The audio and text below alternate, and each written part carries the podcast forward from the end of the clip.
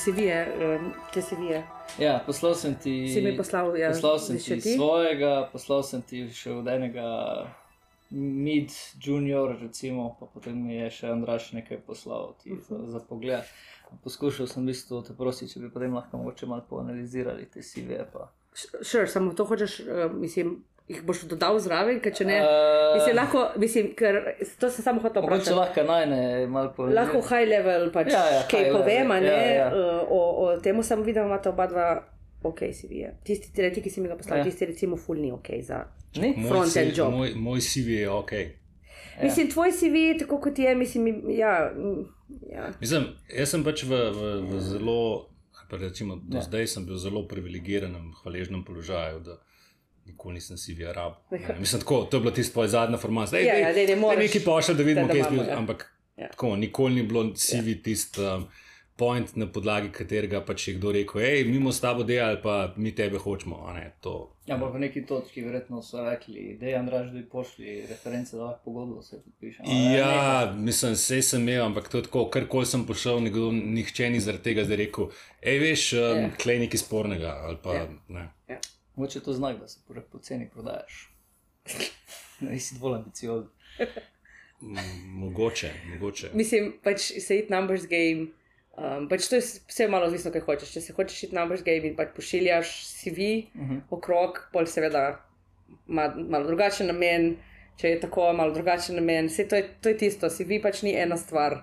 In to je full ta misconception. Jaz imam pač en CV in to je to. Mhm. Ampak v bistvu je full odvisno, zakaj ti to sploh rabiš in, in, in kakšen je v bistvu sploh namen tega. In zdaj, če se prijavljaš za službe, se nam moraš CV prilagoditi temu. a ne. Če vsak eh, teden dobiš 5-6 messageov na LinkedIn, Potem ne rabiš CV-ja. kličejo, Ja. ja. ne rabiš. Ga ne rabiš. Ja, ampak če ti bi rečejo, da je pošli si. In potem je to to, potem je to samo formalno, zaradi tega, ker jaz, ko, jaz hočem imeti nekaj, da lahko dam v ATS, da nimam samo imena, pa primka, pa maila notri. Uh Mhm. -huh. ne, torej, da pač imam še nek file, da ko gledajo drugi za mano, da ko gledajo ljudje, ki mogoče niso, da pač imajo, da je to tisto. Potem ponavadi v Nemčiji je itak tako, da ima vi full informacij notri, ki jih ti rabiš za pogodbo, recimo uh Mhm. -huh. datum rojstva, ne, zato Ja. se take stvari kao pišejo notri. a ne. Um, in potem. Uh, Uh, in potem v bistvu še. Um, um, čakaj, zdaj sem izgubila. ja, zdaj sem izgubila net. ne, sorry. Uh, Ne, ampak tist, a ni, mislim, jaz sem vedno tako gledal, pa tako gledam v, v tem, da v procesu, ko si ti iskan, oziroma ko nekdo pristopi do tebe, si takoj v ful bolj privilegiranem, boljšem položaju kot tisti, da pač ti enostavno zaprošaš za zaposlitev, oziroma ti pošiljaš prošnje in CV. Mislim, zdaj, če si ti v privilegiranem položaju, tako, uh, pač, če imaš ti dober proces in um, imaš, nač- mislim, proces narejen tako, da poskušaš čim bolj objektivno najti ljudi, ki Ja. yeah. pašejo v ekipo in, in ki pač bojo naredili delo. Je v bistvu tle se gre bolj za to, da razumeš, da nekoga, ne- nek pasiven kandidat v tem primeru, ne temu rečemo pasivni kandidati, torej taki, ki pač mi do njih pristopamo in ne išče službo, imajo službo in tako naprej, lahko, lahko drugače ceniš mogoče njihov čas in lahko razumeš, okay, eh, da niso mogoče tako zelo motivirani. Od nekoga, ki se je prijavil, pričakuješ, da bojo bolj motivirani. Pomeni, pričakuješ, Aha, da bojo bolj okej. pripravljeni, da bojo uh, prišli v bistvu, da te bojo vprašali kaj bolj konkretno, da če ti vprašaš, kaj pa mi sploh delamo, da oni pač znajo odgovoriti na to vprašanje, medtem ko od nekega pasivnega kandidata v bistvu pač moj prvi klic gleda predvsem to, da poskušam prodati pozicijo. Ja. Yeah. In unolej, ti res hočeš zdaj pač. Z mano se pogovarjati in mi dati, ne vem, 80 ur svojega časa, da greš skozi ta proces, čeprav imaš službo, čeprav imaš otroke, čeprav imaš tisoč stvari. a Ne? Um, nekdo, ki pač aktivno išče službo, veš, da je njihova motivacija drugačna. Po drugi strani, nekdo, ki aktivno išče službo danes, lahko ti gre z trga v dveh do treh dneh. Mhm. To, to ni hec. Ja, ja, ja. Ok, kaj pa, kaj pa tako, tisti, um, ki to so zdaj verjetno bolj za unije, prve zaposlitve, a ne? Ko imaš te aktivne kandidate, ki pač masovno pošiljajo, ampak v bistvu nobenega researcha ne naredijo. Oni so poslali zato, ker so pač videli, tam je razpis, niso, niso pogledali, ne, kaj firma počne, ne, ne kdo so ljudje. In pa v bistvu, ko prideš ti v nek, nek, nek proces razgovora, ugotoviš, da ta človek se čist način pripravlja. Ne glede na pač, kako rečeš, da je aktiven. Ja, Ja. samo zato, ker je prišel čez filter. Ne, ne, ne, Vesela brez me. filtra. Veš, ti si, ne vem, končal zdaj faks ali pa ti ne vem, Ja. prva zaposlitev. A veš, eh, na trgu pač se ne išče, ti moraš najti zaposlitev in ti zdaj masovno pošleš, ne vem, 150 pač prošen oziroma prijavi se na vse, kar pride. Ja. Ja. Ne, ne gledaš, ne raziskuješ. Ne? In Mislim, jaz sem bila tudi iskala zaposlitve, pr svoje prve službe enkrat in razumem mentaliteto za tem. Razumem, kaj se zgodi, ko pošleš tri, štiri prošnje, za katere se ful potrudiš in dobiš nekaj mm -hmm. odgovora. Ja. In Ja. potem rečeš, eh, bom tudi jaz naredil zero effort, a ne, mm -hmm. in pač bom se šel samo pač kot rečeno numbers game in, in neki, neki se bo primlo. a ne. tle vmesla ni odgovora. Je to slovenska poanta? Ne. Mislim, je to slovensko ali to na globalni Ne, ne, to je ravni? globalno, to je, Okej. to je, to je tako. Vsi delajo To, tako. vsi Mislim, delajo tako. In okay. potem to, to pomeni, da jaz recimo moram iti skozi ne vem, 200 CV-jev za eno vlogo, in od tega jih je mogoče pač ne vem, 50 takih, Mhm. 50 jih je um, izpredaleč, Mhm, Ja, ja. v napačnih time zonih. Uh, ostalo pa pač moraš si malo več časa zdaj pa. Razumeti, okay, ker pač ni uno, aha, izločim te v prvih 30 sekundah, ko pogledam CV. Mm. Ker se pač tudi to zgodi. Jaz točno vidim, recimo uh, ta CV, ki si mi ga poslal, um, mi, je, mi je bil ful zanimiv, ker si zraven napisal nekdo, ki se pač poskuša, ki se bo prijavil v, za front-end developerja. ja. Recimo jaz trenutno, pač mi imamo zdaj res to srečo, um, da im, imam dejansko organske prijave, kar ni normalno v tem Aha. trenutnem trgu.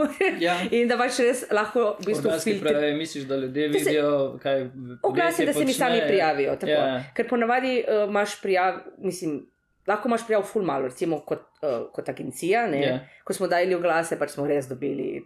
Mislim, če smo dobili pet prijav, Mm. in potem teh pet je bilo, kar je bilo. Mm. Um, Tle jih pa pač, ok, do, dobim malo več, ne? in potem seveda ti moraš to malo prefiltrirati. In zdaj, če se mi nekdo prijavi na front-end job in recimo ni front-end developer, s tem ni nič narobe, ampak jaz imam zraven jih mogoče 20, ki so. In uh, jaz moram razumeti, zakaj se mi nekdo je prijavil na službo, ker meni iz CV-ja v bistvu ni jasno, da je ta človek to v bistvu sploh zna. ne. Mm. Um, ali pa da je to delal. In, in čeprav je super, um, da se ljudje pač želijo spremeniti in tr- Ja. kariero in, in Mhm. narediti transition in tako naprej. Jaz moram to vedeti in meni mora biti to jasno v teh, ne vem, petih minutah, ki jih jaz dam CV-ju. Meni mora to biti ta jasno že, že preko vem, ključnih besed. Če napiše, uporabljal sem, pa ne vem, našteje deset tehnologij, to ti že dovolj? Ali, ali... Ma, zdaj tako, mislim, seveda. Mislim, ključne kako besede. da lahko nekdo, ki kot smo tam nek pr- primer nekega. Ja. Eh, mislim, da ni ravno začetnik, ampak je nekdo, ki je nekaj v drugi industriji delal, pa zdaj poskuša iti ja. kot front-end developer Ja. eh, nazaj na, na specializirati se v to zadevo. Kako ti naj pokaže, da recimo zna dovolj, da, da bo tisti čisto prvi filter? pre- pre- Tak- Tako, da se postavi v, v, pač v mentaliteto nekoga, ki je končal dvotedenski bootcamp in misli, da je developer. Tako nekako, ker oni meni naredijo CV, da padeš dol. Kaj vse oni znajo, kaj vse Ja. oni obvladajo. Um, ponavadi so to potem projektni CV, a ne, torej ne toliko počasno, ampak le ta projekt sem delal, to sem naredil, to sem naredil sam, to sem naredil na takšen način in potem meni je jasno, ok, nekdo je pač dejansko tukaj vložil čas in to aktivno želi. Mm. Uh, prejšnje izkušnje so samo, mislim, jaz, zame so- je to pozitivno. Jaz, Mm. A Tudi uh, v agenciji sem vedno prodajala kandidate v smislu pač uh, junior developer, ampak senior zaposleni. Ne? Mm, Ker pač Mm. vejo, kaj pomeni hoditi v službo, vejo, kaj pomeni imeti šefa, aha, vejo, okej, kaj okej. ne. Mislim, te stvari, ki jih recimo mogoče nekdo, ki išče prvo službo, še mora spoznati. Mm. Um, in um, iz tega vidika pač uh, sigurno. Um, je, Meni mora biti jasna ta motivacija. In zdaj, ker smo nehali pisati motivacijska pisma, jaz um, osebno nimam nič proti njim, jih pač preberem, Ja. yeah. jih pon ne ponavadi jih tako zelo na hitro, a ne pa če vidim, da je tisto tipično, ko je za vse enako, pol pač niti ne berem. Če vidim, da je ponavadi. Da- da- No, da- Prej, prej gremo v Ja. motivacijska pisma. Dajmo, dajmo razčistiti pojme. CV, rezume, motivacijsko pismo. okay.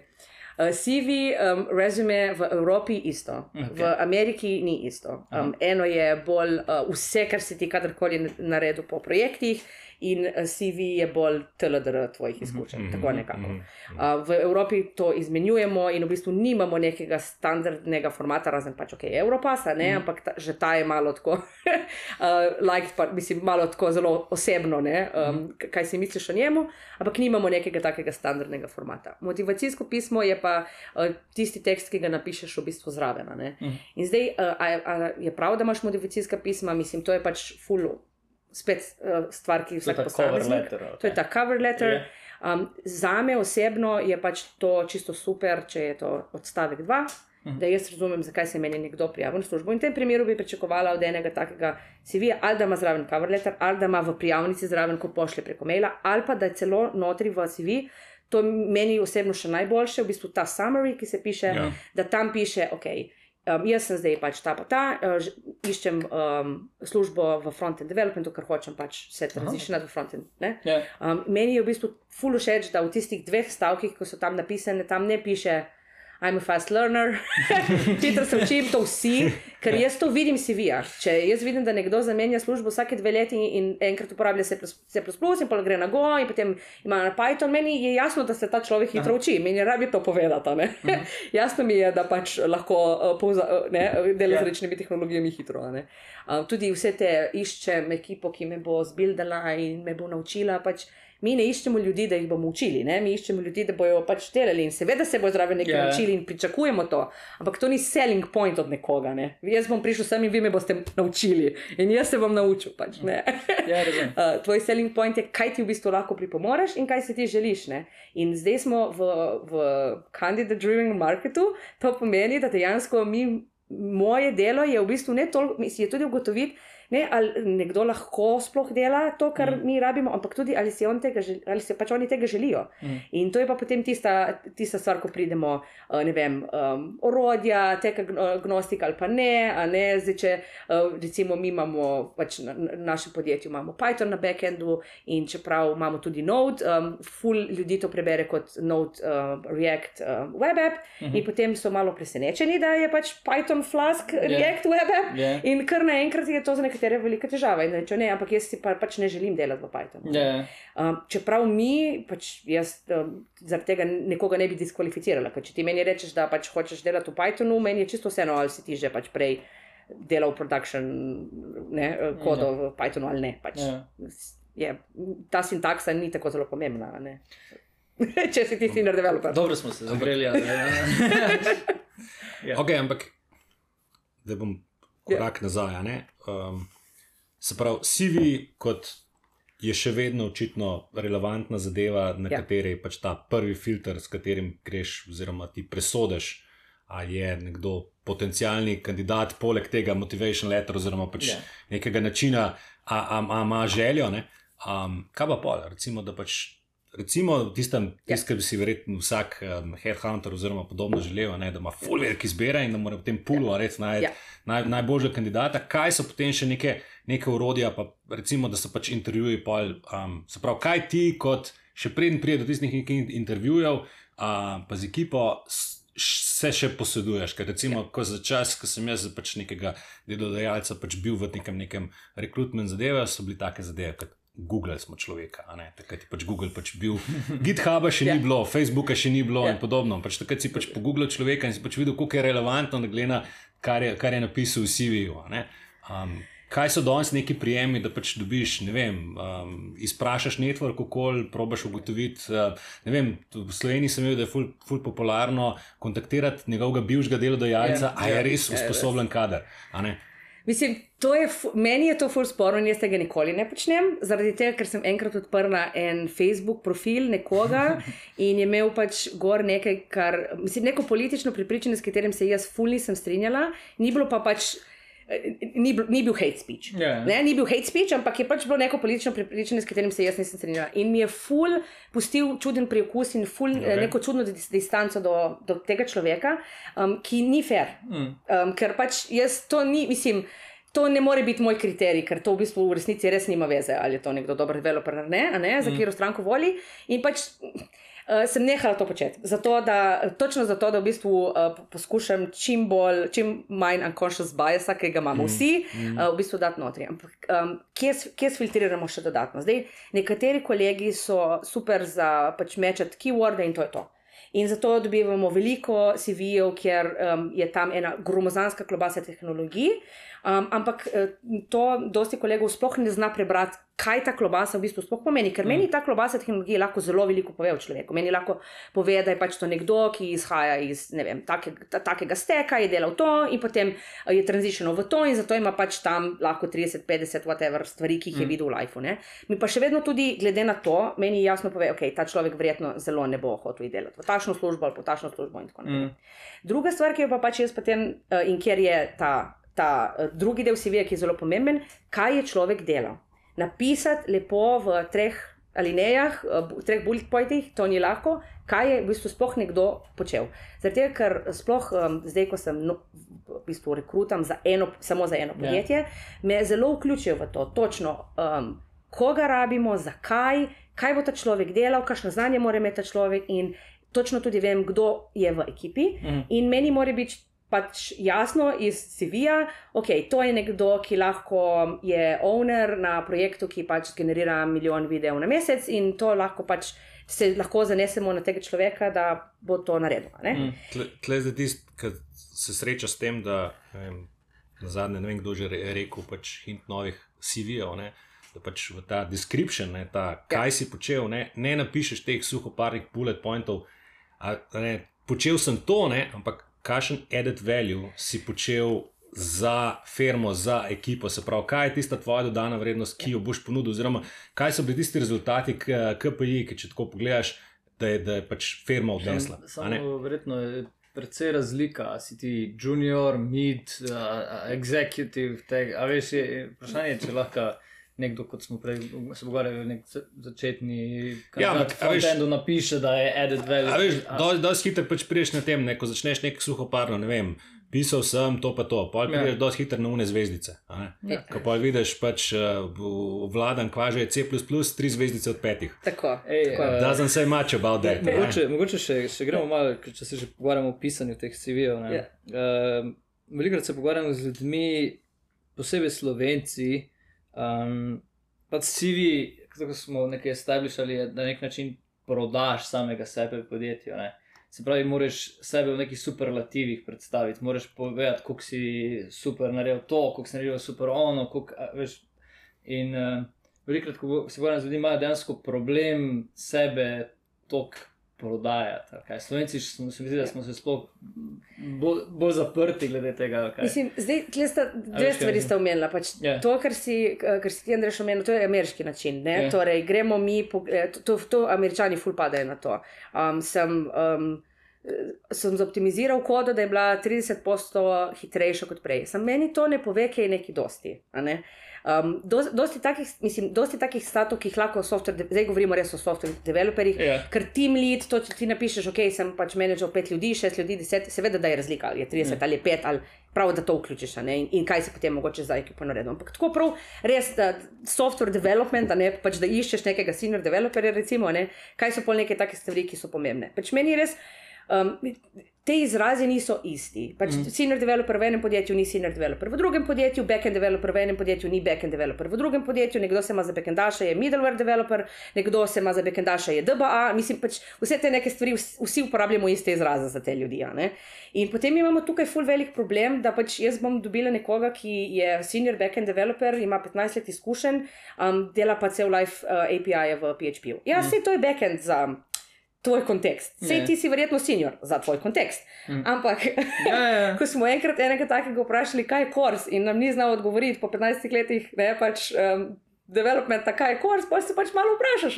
Mm. In tukaj je v bistvu je moja naloga, da iz teh ali petih ali treh ali ne pod vsako službo razumem, kaj te človek sploh delal. A si ti front-end developer, ok, a si ti ukvarjal s komponentami, a si ti delal razreze, ali si ti se um, CSS, ali si ti dom elemente v Reactu optimizirali. Mislim, to so zelo različne stvari z zelo različnimi znani in vsi so front-end developerji in vsi imajo lahko keyword front-end pa keyword React notri. Mm ampak ni isto. Yeah. Zdaj, jaz v bistvu iz tega si želim vedeti, okay, na čemu konkretno si ti tam v tisti službi delal. Da sploh razumem, okay, ali to konkretno znanje je nekaj, kar so, ne vem, recimo, ti imaš, to, ti imaš zelo lepo to v CV-ju, napišeš, ok, um, ta projekt, uh, real time, um, uh, whatever, pa distribuirani recimo to. Meni je jasno, da boš ti to znanje lahko prenesel tudi v druge kontekste, ker razumem, kaj si v bistvu tam sploh počel. Ja. Ne? In je dovolj, en stavek je dovolj, ni treba iti v detajle, pa pač te napisati, pa GitHub zdati zraven. Pač ne, sem toliko, da je meni jasno, ok, ta je nekdo, ki je pač skelal neko aplikacijo, versus ta je nekdo, ki pač je delal na backendu v neki ekipi, ki že iz tega vidim, da recimo Java, ne vem, da se ni, ni rabo iti nujno, mislim, da, da ti dopusti, da ne razmišljaš o nekaterih stvareh, recimo, ne? in potem to seveda ni isti backend developer. Ja, eno vprašanje imam tukaj. Imam enega kolega, ki je sodeloval pri nekih uh, tajnih operacijah, recimo, ne smem imeti. Ja. Um, pa ima NDA, pa ne sme recimo, povedati, kaj je delo. Recimo, Predstavljaj si, da je delo sodeloval pri nekem mednarodnem projektu, vojska. Okay. Ne sme povedati, kaj je delo, ne sme povedati, ker je tehnologija uporabljena. Čisto nič. Ja, recimo, kaj, kaj na ta napiše?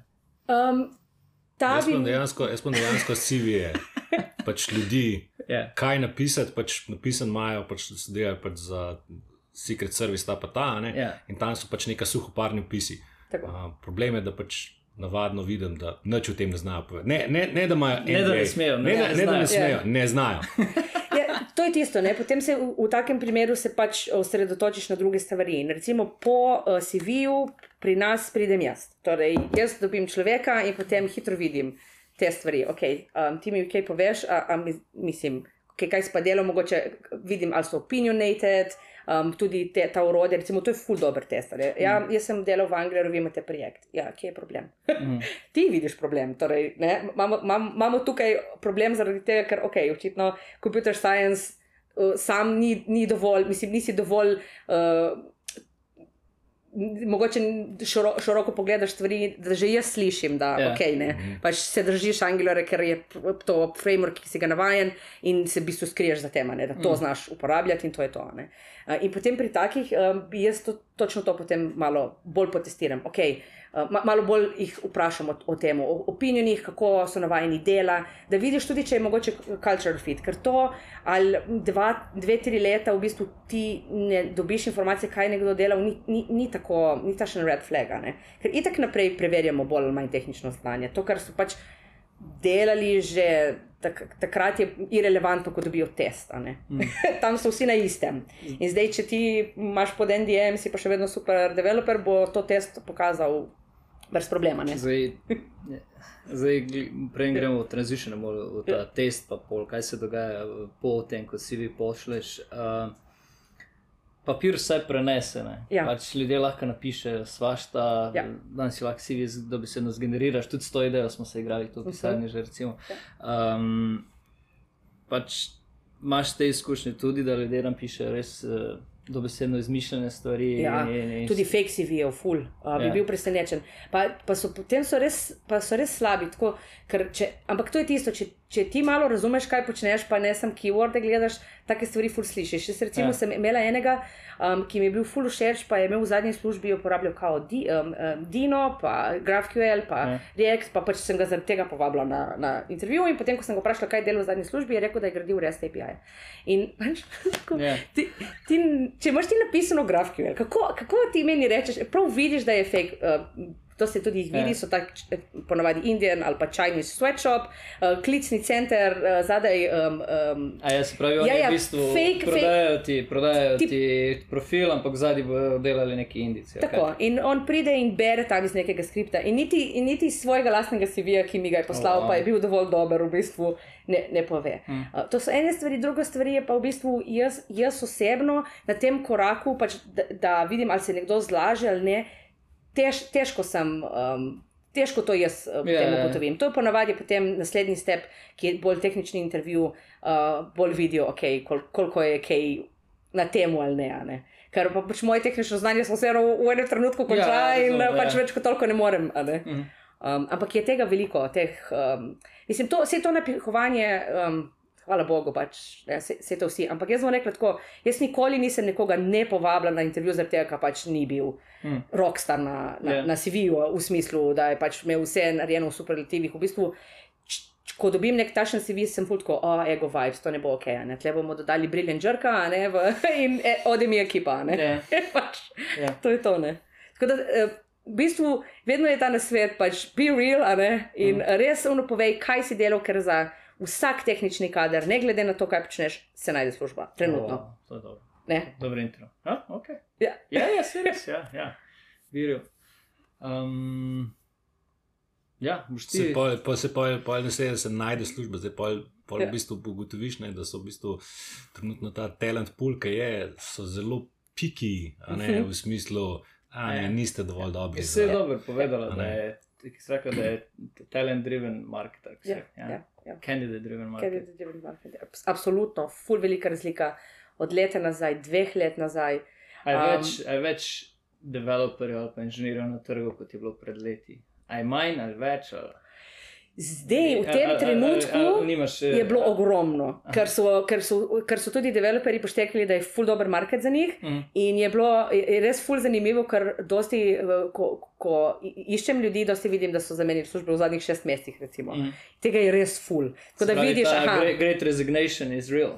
Ja, great absolutno great uh, resignation is real, sigurno. Um, v, v tem smislu, da ljudje pač so izkoristili priložnost, da so šli, da so naredili nek step. a Ne? Mm. Ampak ta del, smi- ta del ful manjka kandidatom, v bistvu sploh razumeti. To je tudi eno vprašanje, ki ga jaz vedno vprašam, kaj je tvoja naslednja služba? Kam greš ti zdaj od tukaj? Zdaj si pač bil tlele in, Aha. in kam ti v bistvu sploh hočeš iti in kam ti hočeš priti.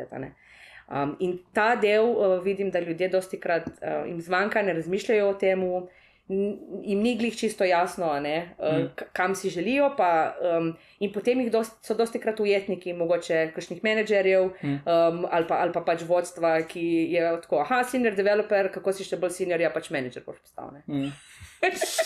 Sej, to je, ne vem, pač, to, sem, to sem pač opazil, pač, ne, da, Ja. da v, v določenih firmah je to pač standardni način. a Ne, Ja, pač, ja. V bistvu, kako zdaj seniora še bolj nadgradiš, da postane pač menedžer in potem Ja. yeah. imaš v bistvu dobrega seniora, ki postane slab menedžer. Tako. a Ne, in uh, pač. In Um, zgubiš na developmentu, in na ljudeh, in na. Um, sem se, zdaj, sem, zdaj sem slišal, da imajo pač ta tracks ali kaj in da pač postaneš še bolj, še bolj senior in potem postaneš ne vem, principal in ne vem kaj. ja, ampak a veš, imaš tudi, da bom rekel, ne vem.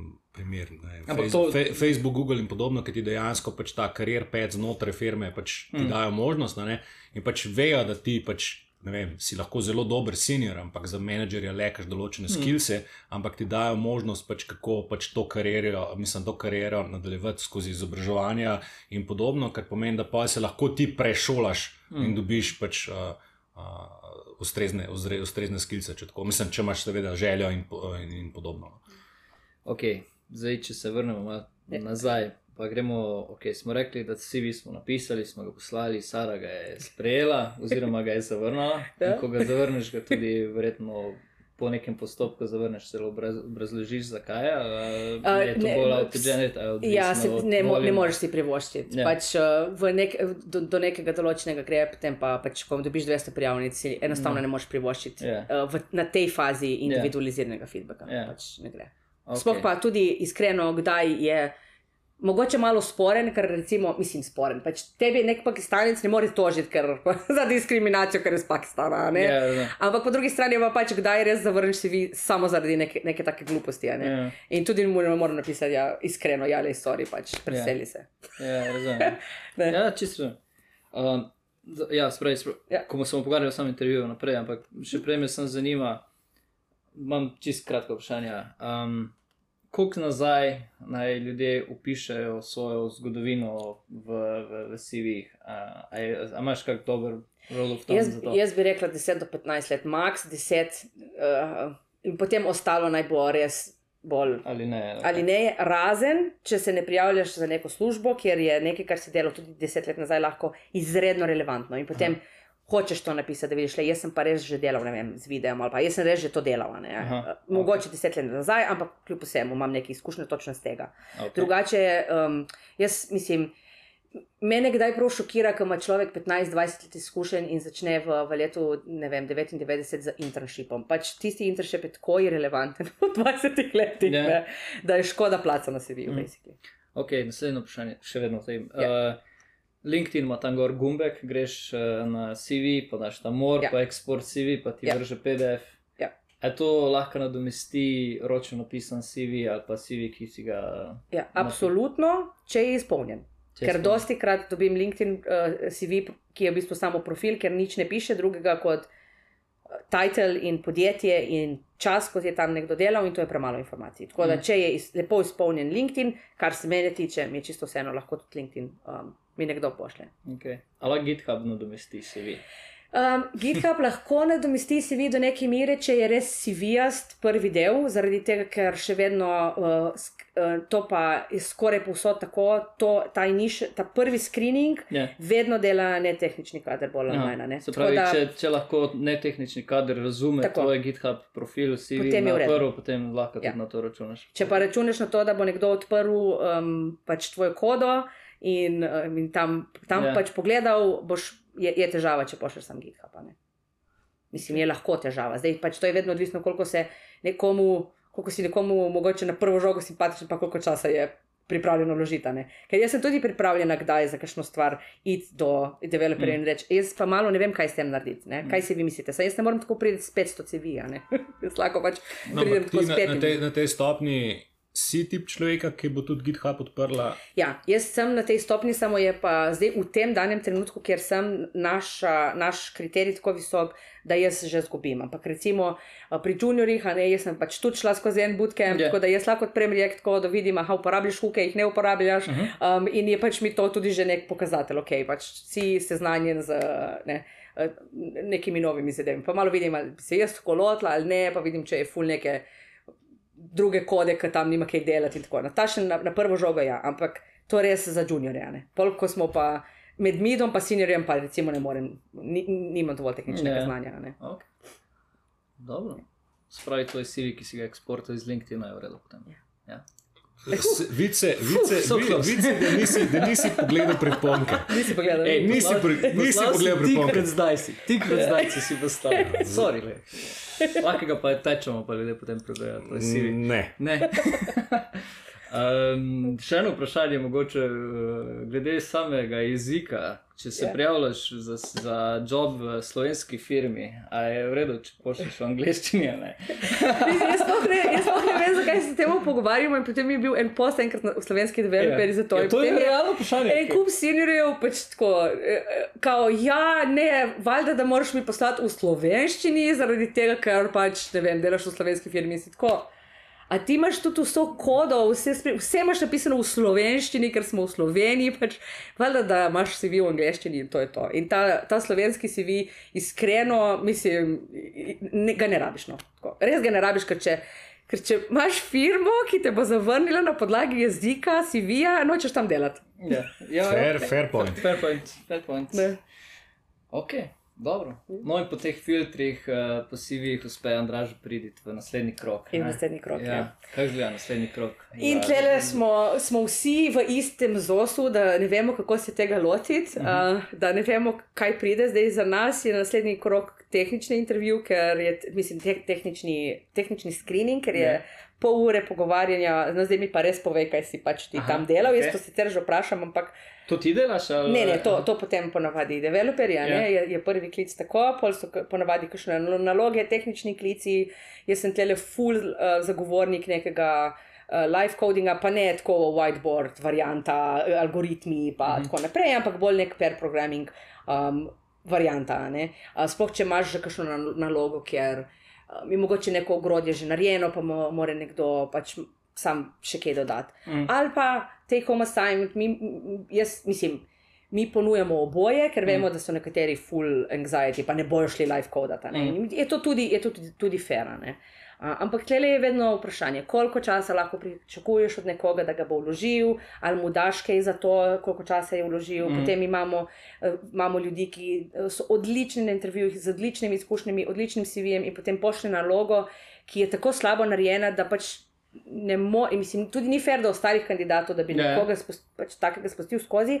Po drugi strani pa veš, da je mogoče naloga zahteva ne vem, šest ur časa in vidiš, da si človek ni vem, mogoče vzel več kot tri. Mm. In Ja, ja, je temu primerno zadek. Ja. Ampak recimo, če še vedno ni uni, dva ali pa tri močne requirements, ki jih res hočeš videti, pač nekdo zgreši, ne, je škoda pol niti tistih tri ur, treh ur, ki jih izgubil. eh, tukaj, pis- tukaj ja. v tem našem coworkingu pa to je zelo velikrat se ta debata. Um, imajo tudi odvetniki coding intervjuje, imajo tudi uh, zobozdravniki coding intervjuje. Mislim, zobozdra... veš kaj? A, a, Um, veš, kaj hočem vprašati? Zakaj- marketing, zak- recimo, ima, Ja. dizajnerji imajo, veš, Ja. to, to je tisto. Ampak- Jaz Ampak je, bom bolj, imela. ampak je bolj kot naloga, ki ti jo dajo. Tako. Sam, recimo za marketing, pa copywriting je recimo sploh. Se mi zdi hujše kot v software developmentu. Zato, ker mi Ker ne gled- uporabijo. ali- ker, upora, ker tudi uporabijo. Ker, Ker mi, tudi uporabijo. Ker O, prav uporabljajo. In uh, nimaš, nimaš um, kandidati se ne zaščitijo, ne vejo, ne pošljajo nobenih uh, stvari, pač podjetjih ne zaščiti in potem ti narediš nalogo in vidiš to čez en mesec, uh, da so pač oni to uporabljali. In to, Mm. to je izredno slabo in sporno. Ne vem, Ja, ja, ja, ja, ra- ra- narobe razumel.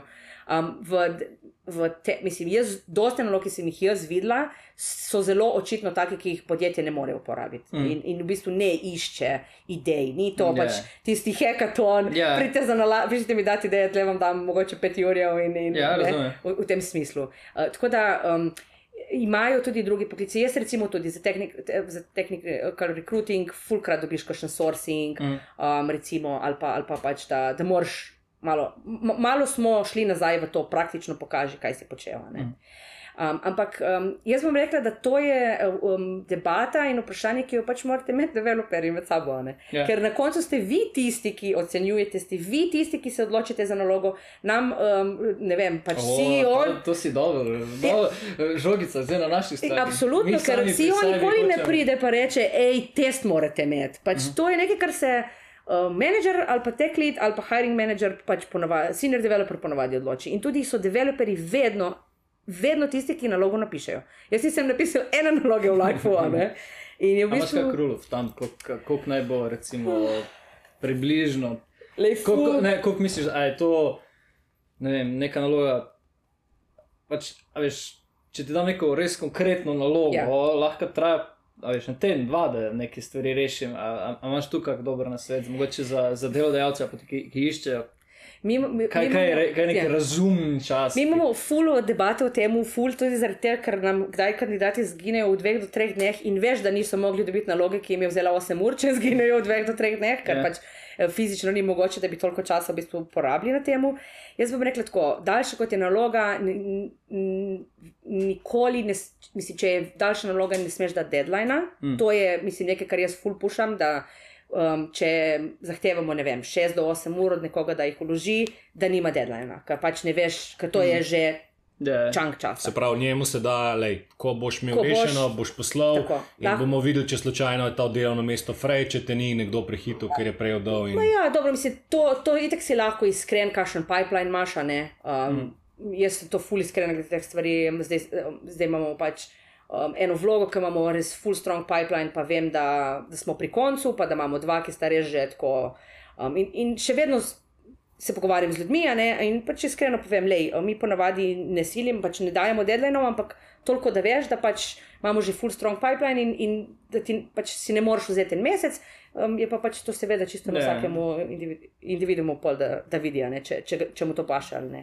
Tako da um, sem se tudi s Simonom Blakom full o tem uh, pogovarjala, um, kaj delati. Mislim, jaz sem full bolj, za, mislim, meni je Simon bil full všeč um, enkrat za tem intervjujem, ko je recimo spraševal, kako narediti um, internet scale URL shortener, recimo, mm. Ker že jaz kot netehnični kader, ko sem slišala tri ali pa štiri ljudi odgovoriti na to vprašanje, mi je bilo.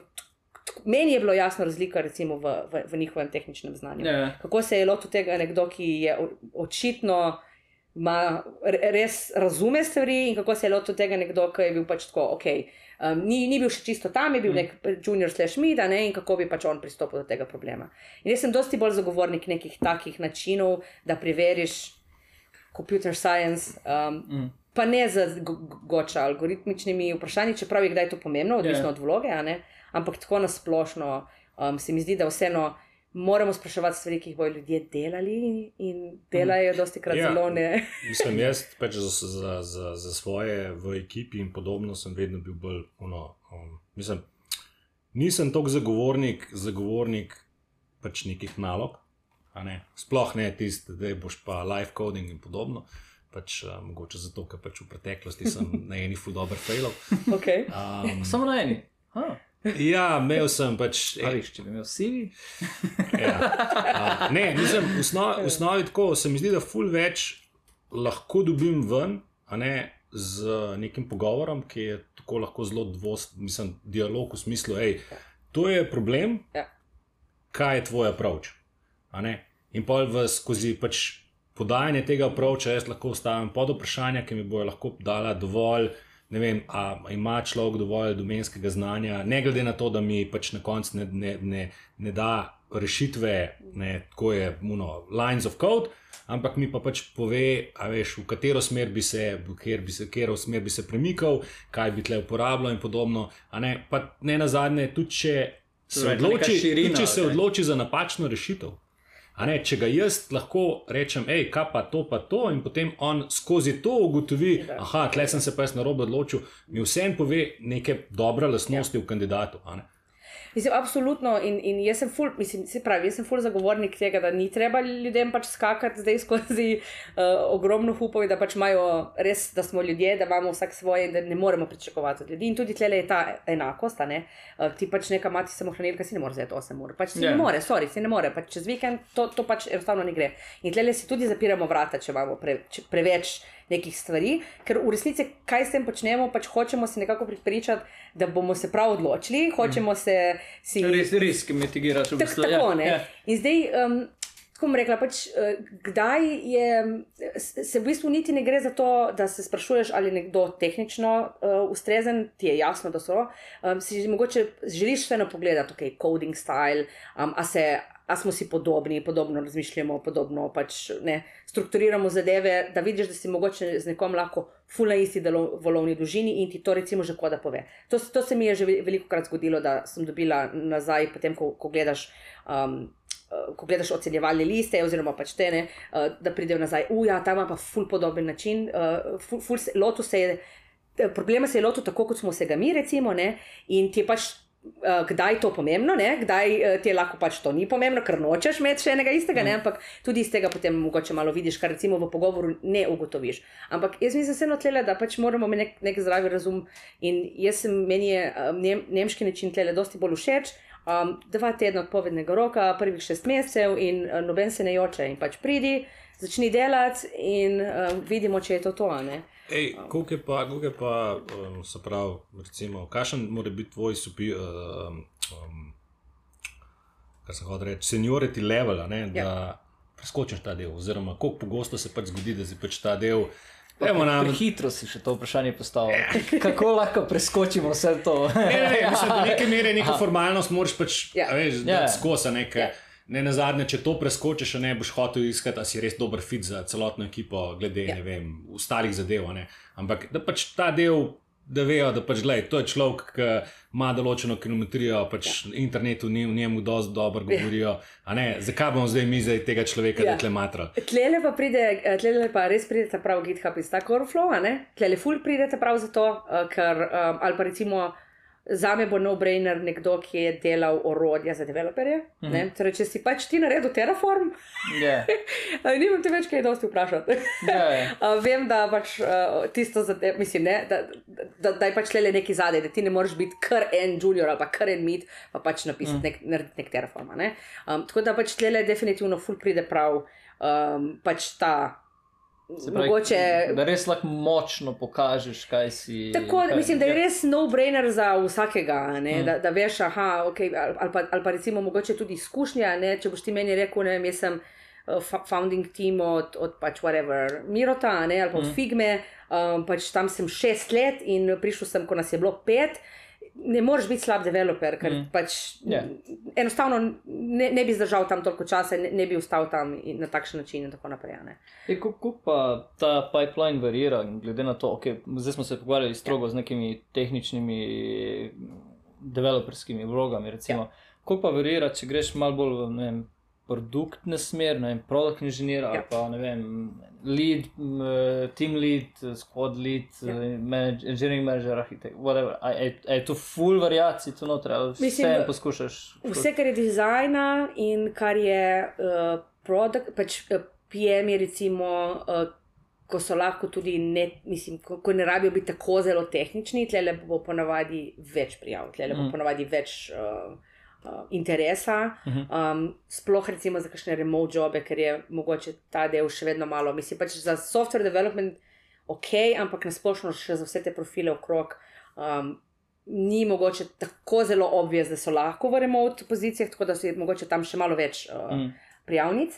Um, za management kader tudi, uh, zelo veliko ljudi se prijavlja, ki so totalen overkill, um, ker deja, dejansko več takih, kot pa nek uh, res tašen solid senior developer. Mm. Več se mi bo prijavilo menedžerjev, team leadov. Uh, recimo, pač, ne, da nekdo uh, je majhna ekipica, pet ljudi in pač ima vodjo razvoja, in se mi prijavi pač nekdo, ki je zadnje pet let bil pač vodja razvoja nekega oddelka 30 ljudi, in mi zraven, recimo, ne napiše v motivacijo, uh, jaz imam dosti tega. Jaz nisem psiholog, nočem mm. se več tem uh, ukvarjati, hočem iti nazaj v IC in hočem pač biti hands-on in v bistvu ne bom prišel tja zato, da bom pač uh, vodil zadeve. Yeah. Ja. Mm. Ker mm. hitro lahko potem dodaš nekoga, ki ti bo v bistvu potem uh, tim disruptal zaradi tega, ker uh, ne bo mogel mogoče iz svoje kože, oziroma ker je pač to njegov yeah. Ja. namen, on je pač prišel tam. Uh, voditi tima, ne? in zdaj to je fully odvisno potem tudi od neke notranje motivacije. Ne? Ker recimo, jaz dobim, ali pa dobim recimo za backend, beč, naš backend ima vem, dve osebi, mm. in potem dobi menega arhitekta, ki bo prišel pač ar, delati arhitekturo. Ja, pač ne boš, ne. Nekaj ja, po dveh seniorjev in mi nimamo profila, ki drugim lahko govori, kaj bojo oni delali. Pač mi imamo inženirje, ki pač vsak hoče delati inženirje. Ja, tako, še. še, ja. še. Ampak zdaj trenutno nismo tam. Ja. Če ti prideš meni, k meni pač z attitudom, le jaz sem pač prišel tle okozovati drugim, pač ne, ne bo šlo ne, v tem mm. danem trenutku. Tako. Malo bolje, no. da grilamo. Andraš se zdaj spominja svojega failed technical intervjuja. Si fail, kak tak intervju? Ja, um, long time ago sem med drugim uh, bil rekrutan strani uh, Google. Okay. Um, pač dejansko sem rekruterjev v živo spoznal, tip je pač tako, skupaj smo ga pili in v neki fazi rekel, je, mi te mogoče rabimo. Ne, in se mi pač uh, dal za SRE pozicijo, uh -huh. uh, se pravi, saj rehabilitativni inženir. Ja. Um, in mi je bilo fulj zabavno, ker pač uh, dva intervjuja, pač no problem, no brainer. Um, pa smo pa prišli na coding, in je bil pač live coding intervju, oh. kjer, kjer smo pač neke sort zadeve delali. Pač prvič um, je, bil, um, je bil ta problem, da pač tip, ki me intervjuje, je pač moja izbira Pythona ni najbolj dišala, ne, kljub temu, da je bilo rečeno, everything goes. Mm. Okay. Uh, potem se je pač obregnil, da moja pseudokoda, da, pač, da se to verjetno ne bo zagnala. Ne, in pač tako, hej, glej. Pač, pseudokoda je. Ne, ja. pseudokoda je, pač nisem pričakoval, da bomo zdaj karkoli. Um, v glavnem, ni neki, kar sem pričakoval za, za, za, za to vrsten intervju. Ja. Potem, ko sem se pač nazaj z rekruterjem uh, slišal, ne, se neko, da tako med vrsticami pejte ja. nekam. Ne. Um, so pač rekli, da je to pač standarden pro proces. Ne, um, ampak vedel sem, ne, da pač ljudje pridejo pač tudi naprej, kljub temu, da nimajo to vrstnega skila. Ki jih mogoče celo poznaš. Ki jih yeah. mogoče celo poznamo. Yeah. Takrat sem jih tako zelo, zelo um, nefer zdaj, medtem ko sem imel bistveno boljši za podobno pozicijo, bistveno boljši um, success rate z, z Amazonom, uh mhm. -huh. ker je pač svoje intervjuje bistveno, bistveno boljš uh, fural, pač res so bile. V, se pravi, res smo se pogovarjali o tisti domeni, za katero pač pozicijo se prijavljaš. Ja. Um, tako da, ja. Mislim, to je. Um, jaz sem nekdo, ki je študiral mednarodne odnose in sem pač um, vem, kako Evropska unija recimo, najema mm. ljudi. In to je tudi eh, zelo podobno kot Feng, potem najema software mm. development. Ti pač imaš, ti točno veš za vsako podjetje, uh, kaj, kaj rabiš, da se pripraviš, in ljudje se pripravljajo leta, tudi kdaj, mm. um, um, da pridejo notri v, v podjetja, um, zaradi tega, ker imajo točno naštirano, kaj morajo iti skozi in tako naprej. Niso tako v Evropski uniji, pač tam moraš vem, delati zaporedja in, in računati, in potem se ljudje na te konkurje res. Pripravljajo in mm. učijo, zato da točno ta test v bistvu potem naredijo. Ne. In zdaj se ti vprašaš, ali je to res najboljši način za poiskati najboljši kader? Odgovor je ne, ampak po drugi strani, ko pa pač si ti Google in imaš 10 tisoč Pač moraš filtrirati 10.000 ljudi, tudi take, ki jih ljudje potegnejo z ceste, ampak še vedno jih moraš filtrirati 10.000, si pač ma, moraš si izbrati nek, nek trivialen Nek kriterij, ker pač ne gre ja. drugače. Ja. ne. In tlele smo, tlele smo recimo na tistih, ali je pomembno, tudi, tudi recimo vem, izobrazba pa take stvari, ne, ali je Mm. pomembno, ali ni pomembno. Ne, ampak mogoče, kadar jih imaš res 10 tisoč, mogoče vzameš nek takšen glup kriterij, ker pač jih boš imel potem 8 tisoč. Ja. Ne. Kaj pa če ti polni svo- tvoji favoriti vam padejo? Ja, ja, to se fulkrat zgodi. Eh, Fulkrat se zgodi, da ti dejansko, mislim, um, jaz, jaz tudi vidim, ali, ali pa vidim, recimo, ful potencial, pa rečem, ampak poglej, ta človek ima štiri leta izkušenj, poglej, kaj v teh štirih letih že naredil, mislim, to je tašen diamond, a ne, pač to, to je škoda, da spustiš skozi, ne, ampak pač, Ja. lej, Ej, uh, mogoče nek povezano s tem, ampak Ja. ja. mogoče malo bolj soft skills pri Ja. ja. samem tem procesu, okay, uh Mhm. -huh. tehničen intervju, intervju z ekipo, pa to, ko se Ja. ja. pogovarjamo. Um, tudi to je, ne vem, jaz imam neko izkušnjo, kolega, ki sem ga priporočil v firmo, je šel čez cel protokol, uh, prišel do tehničnega intervjuja, prišel do pač te naslednje faze, ne? tehnično je tudi Ja. ja. nalogo naredil ampak je bil tako živčen pri tem intervjuju, da je totalno zmrznil. In Mhm. potem, ker smo, rekli, Ja. tako bi rekel, Andraš, da je umir se, se ti to znaš, ja. ker smo vem, prej delala to. Ja, ja. Je bilo še huje. In pač tudi ta human aspect, Ja. pa ljudje, pa, pa ne, če si full dober inženir, vse to, pa ko pa prije do teh uh, človeških interakcij, pa friznejo. Imaš tudi s tem kakšne izkušnje? Ja, jaz, to je ful zanimivo, ker pač jaz, eh, meni se to nikoli ne zgodi, eh, pri meni ljudje nikoli niso živčni. Jaz mm. Tako vedno tudi intervju odprem, ful neformalno in. Mm. vedno sem jaz tista, ki kdaj za nalašč pride ful flaster na ta intervju. Pa sem tako, joj, joj, ful sem zdaj se sem pač v minuto, sorry, ne, veš tako. Pa se ful, ljudje ful potegnejo nazaj, pa se ful tako sprostijo, pa Ja. vidijo, aha, na drugi strani je človek, ki ni perfekten, v Ja. redu je, ne pa da jaz tam pridem, pa sem tako, pa sem, no ja, jaz sem sada, sem rekruter, pa pač to je to, ne, Mm. pa pač zero emotion. Pa, Ja, ne. Uh, potem va, ljudje dosti bolj friznejo. ne. Mm. Uh, se mi pa potem kdaj zgodi, da potem uh, naslednji stebi pa je tako, ja, ful je bil živčen. Jaz z mano ful ni bil, a ne. Uh, ampak. Um, Mogoče zato, ker je in Ni toliko pomembno, mislim, to vsi razumemo. Vse tudi ljudje, ki se ukvarjamo pač s kadri, vse vidimo, da so pač različni ljudje. Mi- Ful bolj zmoti ego, to, da, si, Mm. to, da je tebe pač uh, malo strah, pa malo, en- imaš malo anxiety, je v bistvu na nek način pozitivno, ne? uh, ker pač. To, hujši so res oni ego tripi, ki res pridejo, pa so totalno opinjene, pa totalno prevzame cel pogovor, pa v bistvu um, sploh, sploh ali, ali pa se čisto obrne, pa pač nekdo tebe zaslišuje, ampak ne na takšen prijeten način, ne, ampak tako, zakaj bi se jaz sploh z vami zdaj pogovarjal, ajde, zdaj mi povej to, to, to, to prki plača, ono, pač to sem stvari in pol si tako, ja, te, ne. Ja, Ne, ta, jaz razumem, da se nočeš pogovarjati s 5000 ljudmi, sam pač valjda mi takšen človek dosti slabše spade kot nekdo, ki ima očitno samo tremo. Tako da jaz le bi uh, predvsem uh, pač, zadihati, nič ni tako hudega, tudi če ne gre skozi, je še vedno naslednji, če je še vedno čez tri mesece, če je to, če je to Google, če bi si ti ful želel delati za Google, uh, si imel odlično priložnost, da si videl, kako to sploh zgleda. Točno bi vedel, kaj Ja, bi mogel mislim. vaditi za naslednjič? In če bi ti bila to full motivacija, ne, pač bi bila to dejansko dobra learning izkušnja. Ne. take izkušnje tudi, da se ljudje Ja. ja. prijavijo večkrat? Ja, ful, Res? ful. In sploh recimo produktna podjetja, ja. Ja. ker je pač produkt in ful verjame v njega in se to ful dogaja. Jaz, pač eni so tako in zato imamo tudi napisano, recimo, ne vem. Še enkrat lahko prideš v postopek čez pol leta, kaj, če ne, Aha. nima smisla. a Ne? Ja, okay. Um, ja, te, tega je ful, sploh za produktna podjetja, da so res tako fan, fani, pa pač res bi radi delali in, in uh, um, čakajo, da odpreš njihovo pozicijo ali pa, ali pa da dobijo dovolj izkušenj, ki so zate relevantne. ja. Gremo Tako, na tako, to bi rekel, da tako ful niso slovenci. Tako slovenci so uno, gled, od, od fukal so me, a ne pip. A, um, in tlele za te res več ne bom, pač tako uno, a ne, pol ta grenek priokus, a ne, in pol ta, ta firma več nikoli ni na, Ja. na, na obzorju. a ne.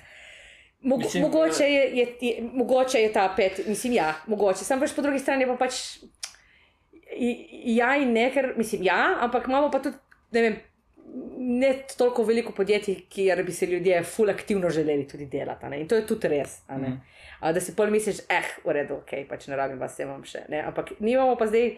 Se mi zdi, da spet nimamo toliko takih podjetij, da imamo toliko fanov, ker so potem vsi, vsi dirajo tja. Um, tega je, več recimo, Feng ima to dosti bolj, cel svet hoče tam delati. ne. Pač. Uh, jaz bi, Ja. če smo sedeli prej, najprej CV, da, da, da, da smo naredili tehnični intervju, Ok. okay. kandidati, kodo so pregledali, ekipa, menedžer, whatever. Prišel je naprej. Prišel je naprej, čestitke. Yeah. Čestitke. Then what happens? Ja, um, potem uh, ponavadi se um, res usedemo in zmenimo o podrobnostih, o plači. O, Vi sami najprej. Um, Okay. ponavadi, ja, ponavadi, Ja. oziroma. Ja, kakšno ponudbo ne, Ja, bomo dali, imate ampak neke ponavadi okvire. predtem je še en, to je full standardna praksa, da takrat, ko se ne, pač odloči, da dobiš neko verbalno ponudbo, oziroma da res ono, ok, kaj ti sploh, ne, dajmo se še enkrat o tem Ja. pogovoriti, kaj ti je pomembno, kaj ti ni, ker tudi konec koncev. Uh, na prvem koraku, ko jaz vprašam za neko plačno pričakovanje, um, razumem, da tudi nimajo uh, pač kandidati, ki so v procesu vseh informacij. ne. Ja. Do, do, potem, ko vložijo Hmm. toliko časa, imajo malo več informacij in malo bolj razumejo, spoznajo ekipo, vidijo, kaj bi sploh delali in mogoče se jim pač cena za to primerno zniža ali pa zviša, kdaj Ja, tudi. ne. ja. Tudi kdaj zniža. Ja, Uh, ker ja. se tako, ne, jaz hočem biti, meni je v bistvu čisto vseeno, kaj bi boste dali, jaz hočem biti del te zgodbe. Ja, ja. Pika konec, ne, ali pa obratno, ne, pač Mm. ne, jaz le vidim, da je pač to bo suffer, tako da Ja. uh, pridem za toliko pa toliko. Ne. To se potem zmenimo in potem pač ponavadi dobijo ponudbo um, in je potem pač ta ponudba dela, ne, pogajanja ali pa ne pogajanja, to je pač odvisno od vsakega posameznika, um, ali se to gre ali ne, uh, in potem uh, pač podpis pogodbe. Ne. Pol pa že prevzamejo tudi za ame drugi kolegi, ki se ukvarjajo z HR-om, ja, ne pa ja, pač razum- rekrutningom. a raz- ne. Razumem. Boš ti vprašal, kako je z, z postavkami in ali, ali če jaz. Mislim, jaz, jaz, spet- jaz, bom spet, jaz se bom spet vrnil nazaj na, na, na uno moje izhodišče. Ne, da če si pač headhunter, imaš boljšo, se pravi, štartno pozicijo in imaš tudi mogoče več možnosti za pogajanje. Medtem, ko če se ti prijaviš na delovno mesto za tisto delovno mesto, se v Sloveniji ali pa zaradi neke sistemizacije ali zaradi pač to je že pač neka cena določena. In zdaj pač tle je vprašanje, če boš ti lahko, ne vem, imel ful nekega bufferja, s katerim boš rekel, hej, pač to, kar mi ponujate, ni ok, ampak če mi date pa toliko več, pa se lahko pogovarjamo. Sem veš, pasivni kandidat ti bo rekel, jaz tukaj zaslužim toliko, če me hočete spraviti stran, mi boste pač mogli dati, ne vem, Ja. povišico 10 postov. In potem, če imam jaz nekega takega, ki je 6 let ali pa 7 let uh, v eni firmi in je totalno diskonektan, kaj sploh market price, je ta dejansko lahko cenejši in dejansko ima lahko slabše izhodišče kot nekdo, ki je aktiven kandidat, pa ima recimo tri ponudbe, ki mi jih pošlje in reče: Jaz sem dobil to ponudbo, pa to ponudbo, pa to ponudbo, le tle mi bojo pač ponudili toliko, te toliko, zdaj pa pač ti je potem jasno, ali se igraš to, ali se pač ne igraš. Ne? In smo prišli v neko fazo globalno, da pač so prve službe za 50-60 uh, jurjev direktno s faksa, a ne? Mm. uh, remote službe, pač tudi Slovenije. a ne. Ja. Um, in zdaj um, pač pa je to aktiven kandidat. Zdaj ti bo ta aktiven kandidat prijavil na, v Sloveniji na, na, na, na pet podjetij in pač bojo tukaj slovenske podjetja, tiste, ki bojo izgubila zaradi tega. a Ne? Ej, tle zdaj še, še eno, še z te, z te um, headhunting zgodbe. Ja. Ko ti se pa pristopiš, ne, da pač rečeš, da imamo zdaj v tem, lahko je to konkurenčna firma, podobno imamo pač specifičnega kandidata, ki Ja. je perfekt pit za to, kar rabimo. Ne, Ja. ne na zadnje tega človeka se zdaj tam ukrade, ne, kar Ja. pomeni, da klemo bomo dali zdaj neke ful boljše pogoje, da zdaj je ful mikavno. Ja. Um, kaj v primeru, ko je tam neka konkurenčna klauzula vzad, kako se No. no. to dogovori, se pravi, se pač Ja. ja. tisto firmo izplača, se, mislim, pristopi. Ne? Kar poznam tako, kar nekaj zgodb. vaša Ja. konkurenčna Pozna, klauzula. ja, poznam, Ja. poznam kar nekaj zgodb, ki se pač tako, a ne, je pol pač do, do, do, do nekoga se pač pristopil, se mu dal ful boljše pogoje in je pol ta naredil ta um, proti, proti udarc, da je pač lastni firmi rekel nazaj, hej, glej, unime dajo to, kaj da te Ja. vi kaj več, če ne jaz gremo. Ne? Ja, Ja. ja. Ja, seveda, zato se ful uporablja, uh, sploh te, ko nekoga, pač pasivni kandidati mm. to dosti krat naredijo, da si up- uporabijo pač ta nek proces, kateri, v v katerega so pač vložili čas, um, zato da si izboljšajo svojo lastno pozicijo. Jaz mislim, da s tem ni nič narobe, ampak bom pa rekla, da se kdaj vprašaš. Um, Kaj je v bistvu človeka sploh motno in the first place, da je sploh šel v ta proces? In um, se pač jaz kot rekruter potem poskušam ugotoviti, kaj so te neki pain pointi in videti, aha, te pain pointi se bojo razrešili, če bo ta človek dobil 10% višjo plačo. Ja, ali misliš, se da ne bo- bojo, ne?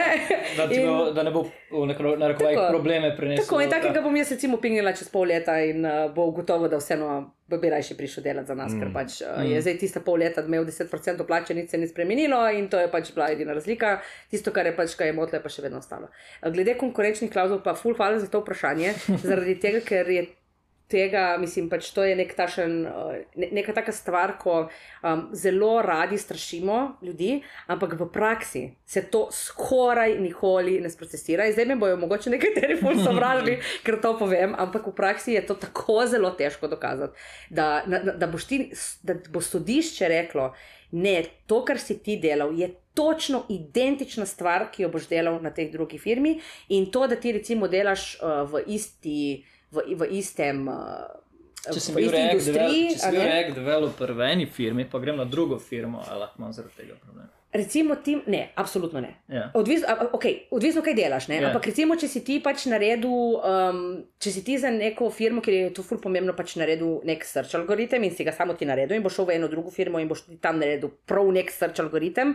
In je v, ist, v isti stvari, je pač to za ne vem, whatever, neko konkretno stvar ok, potem mogoče greš na sodišče in mora res sodišče odločiti in se odločiti, ok, ja ali ne. Za skoraj vse ostale stvari ti nikoli ne delaš na točno isti stvari, da bi ti nekdo konkurenčno klauzulo dejansko lahko unovčil, ki jo pa napišejo. Mm. In to je full dovolj straha, da ljudje so pol, hm, ampak jaz to ne bi, ker. Uh, uh, ampak tle imamo zdaj dve, dve vprašanje. Eno, koliko je zdaj sploh konkurenčna klauzula v vem, IT svetu zanimiva, kaj si predstavljam, da v neki formaciji ali pa v neki taki zadevi ima ful več smisla, ker so pač ja. zadnji patenti in pa, pač podobne zadeve. Ja.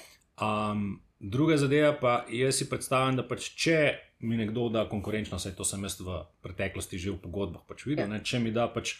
Konkurenčno klauzulo, pač pričakujem, da bom pač tudi temu primerno nagrajen. Mislim, ja. da bo neko nadomestilo. Ne? Ja. Se pravi, ja. moja plača bo temu primerno višja, ker imam konkurenčno klauzulo, ker kot jaz pač vem, zapustim to, ja. pač pri konkurenci ne morem delati in imam pač nek, nek, ja. nekaj, moram to pač kompenzirati. Tako. Mislim, zdaj ti, um, je tle ful dober, um, mogoče iz, iz kakšne druge industrije. Ne? A zdaj bi ti plesalcu rekel, aha, zdaj si pač tle delal za me, zdaj v naslednji službi, ko greš, ne smeš plesati. Pač, imaš konkurenčno klauzulo, um, super si pač, ne vem, super baletnik in ne smeš več plesati v baletu. Pač ne moreš to narediti. In tudi uh, sodišče ne bo nikoli se postavilo tukaj na stran uh, podjetja in reklo, ja, ta delavec pač zdaj naj, ne vem totalno tranziciona, ker si mu pač dal konkurenčno klauzulo. Pač to ne gre. Seveda pa so za to potem tudi kompenzacije, če so prav neke konkretne zadeve. Recimo v rekrutingu je to kar pomembna ta konkurenčna klauzula. Seveda, um, recimo moja bivša agencija, seveda ne želi, da grem jaz. Točno do tistih ljudi, um, ali pa točno do tistih strank, odprem pač svoje SP in, uh, in poberemo vse stranke. V takšnem primeru ima konkurenčna klauzula izredno veliko smisla in tudi kompenzacija, ki pride z njo. V software developmentu uh, je pa ful odvisno od projekta. Če ti delaš nek, kaj zvem, računovodski app, ne vem, tudi app, mislim. A, A veš, ne. Yeah. Ja. Mislim, da če ti res narediš nek, nek piece of tech, kjer dejansko bi lahko imel patent na njemu, ne. Ja, imaš mogoče tle le malo več pogajanja, pogovarjanja, sploh in the first place v teh stvareh. Ampak za večino stvari, sploh pa tega web developmenta, pa mislim. Mislim, jaz sem v slovenskih firmah to kar doskrat eh, videl. Ja, ja, ja napišejo vsi, to vsi napišejo in odlično deluje, ker so uh, delovci res prestrašeni. Ampak um, do epiloga pa to ponavadi ne pride v dobro podjetje, tako rekla. No, pa če, če smo zdaj v palci, pa še dajmo polokorenčko. ja. uh, kaj pa pol misliš v teh uh, stock optionsih? Pa pa tem nekim long-term kompenzacij, pa prksi, ki pridejo zraven. To je spet nekaj, ki je ne, ne za slovenski trg. Ne, v Evropi zakaj? se tudi to malo prebuja na splošno, ne na splošno v Evropi. Ne. Eh, zdaj, UK eh, je bila tukaj malo izjema, ampak eh, UK in US imajo te opcije v malem prstu, pridejo na intervju, mi, mi recimo ponujemo stok option, da pridejo na intervju in točno ti povejo to, to, ono, treče, četrto, vse izraze poznajo in ti sem tako, ok, bolj da bi še evropejce, tako nisem nikoli to imel, sploh ne vem, kaj ne si o tem mislim, prosim, izobrazi me. Ne. Tako nekako. Uh, tako da um, je, je vedno več tega. Uh, jaz sem full zagovornik uh, tega ampak um, vsi vemo, da ljudje pač ne bojo ostali v službi, ker imajo pač tam na mizni nogomet ali pa, ali pa mm. PlayStation. Uh, to pač uh, vemo, da so nice to have, ampak definitivno ne nekaj, zaradi česa bi ljudje pač prišli v tvojo službo. Tako da jaz sem itak bolj zagovornik prkov, ki to so, ki so ja. dejansko prki. Torej, to, kar je nam pomembno, čas, denar. um, pa upskilling. In Mhm. za me so prki samo na teh treh zadevah. Več dopusta, manj dopusta, fleksibilen delovnik, nefleksibilen delovnik. Ne?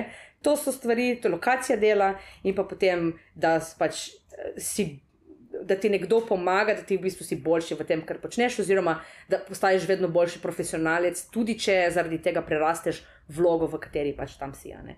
In to so prki. Ja, ja, ne. to ne. so prki. Ne, men, ne. Koliko pa, eh, pa zdaj, ki se rekla upskilling, se pravi, Ja. ja. tleh si jaz predstavljam, to je pač uno, da te firma pošle na kakšno konferenco, dve, tri, kakšno izobraževanje, podobne zadeve. Koliko je, ne vem, če primerjaš Slovenija versus, vem, tujina, se pravi, tuje firme, koliko je zdaj um, to, kar pač v neki fazi, jaz mislim, da tam, ki se je, ki se je 20, ki smo bili pri mi, tisti recesiji, se je to vse porezalo. ne. Se je to masovno porezalo, in, in po tistem, dvo, mislim, jaz ne zaznam, da se bi ta zadeva pobrala. Pač ja, če je bila to lokalna konferenca, če je bila to mogoče v, v relaciji, da boš se z avtom pripeljal, pol mogoče, vse ostalo je bilo tako, no, Ja. very optional. Mislim, zdaj, um, jaz iskreno uh, na um, tek, prav, prav neki tek konferenci nisem bila še v Life, sem full vesela, Ne. da grem letos na NoteConf in sem tako excited, da grem na NoteConf, yes, prvič. Bravo. Uh, da bom videla v živo, kako to zgleda. Um, pač zdaj sem bila nekaj, ko sem se vrnila v Slovenijo, vseeno malo vključena pač v te spletne, ne? ampak se mi zdi, da to je vseeno malo drugače, uh, oz- oziroma pač tudi načina ne? in je to bolj. Enakovredno gledanju nekega YouTube videa, medtem ko konferenca mm. pač ni glih enakovredno, ne, Ja, pač ja, nekaj, nekaj ja. takega. Ne? Uh, jaz bom rekel tako, pač meni se zdi upskilling zelo pomemben, ampak um, tlele, um, podjetje to more, k temu mora pristopiti zato, ker je za podjetje pomembno. Ne? In zdaj recimo, Ja. kako ti gradiš svojo ekipo. Pač, uh, eno slovensko podjetje je bilo, um, ki se je odločilo, da bo začelo uporabljati pač neko novo tehnologijo um, za nek nov majhen projektič. Uh, in namesto, da bi v bistvu dali svoje lastne developerje na ta projektič, jim dali malo več časa in um, resurse, da bi pač oni začeli delati. Mislim, da je to, da je to konkretno bilo v Nodu. Uh, pač ja- Java podjetje je bilo, ne, da bi pač oni začeli delati v Nodu, so oni najeli zunanjo ekipo, da bo pač to naredila. In tukaj je izredno velik, uh, tu- tukaj je mis, res misel, uh, misel opportunity, da ti upskillaš svoje zaposlene. ne.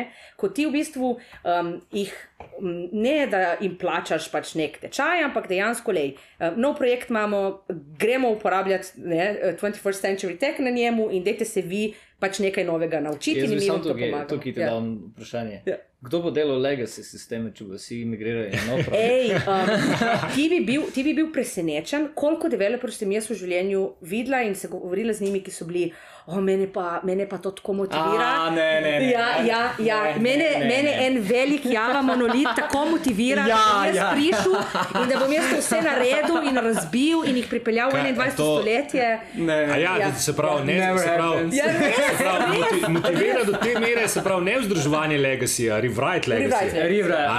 Jaz pridem, jaz pridem in naredim red. Ja, To, smo, okej. to smo videli, to smo videli, po da drugi to, pije vode. Ja. ja. Ja. ja. Po drugi strani imamo pa te. Um, jaz vedno pravim, da mi smo v bistvu v, uh, kot, kot market uspeli ustvariti, sploh za pač to našo nesojeno javo, ful, uh, v bistvu.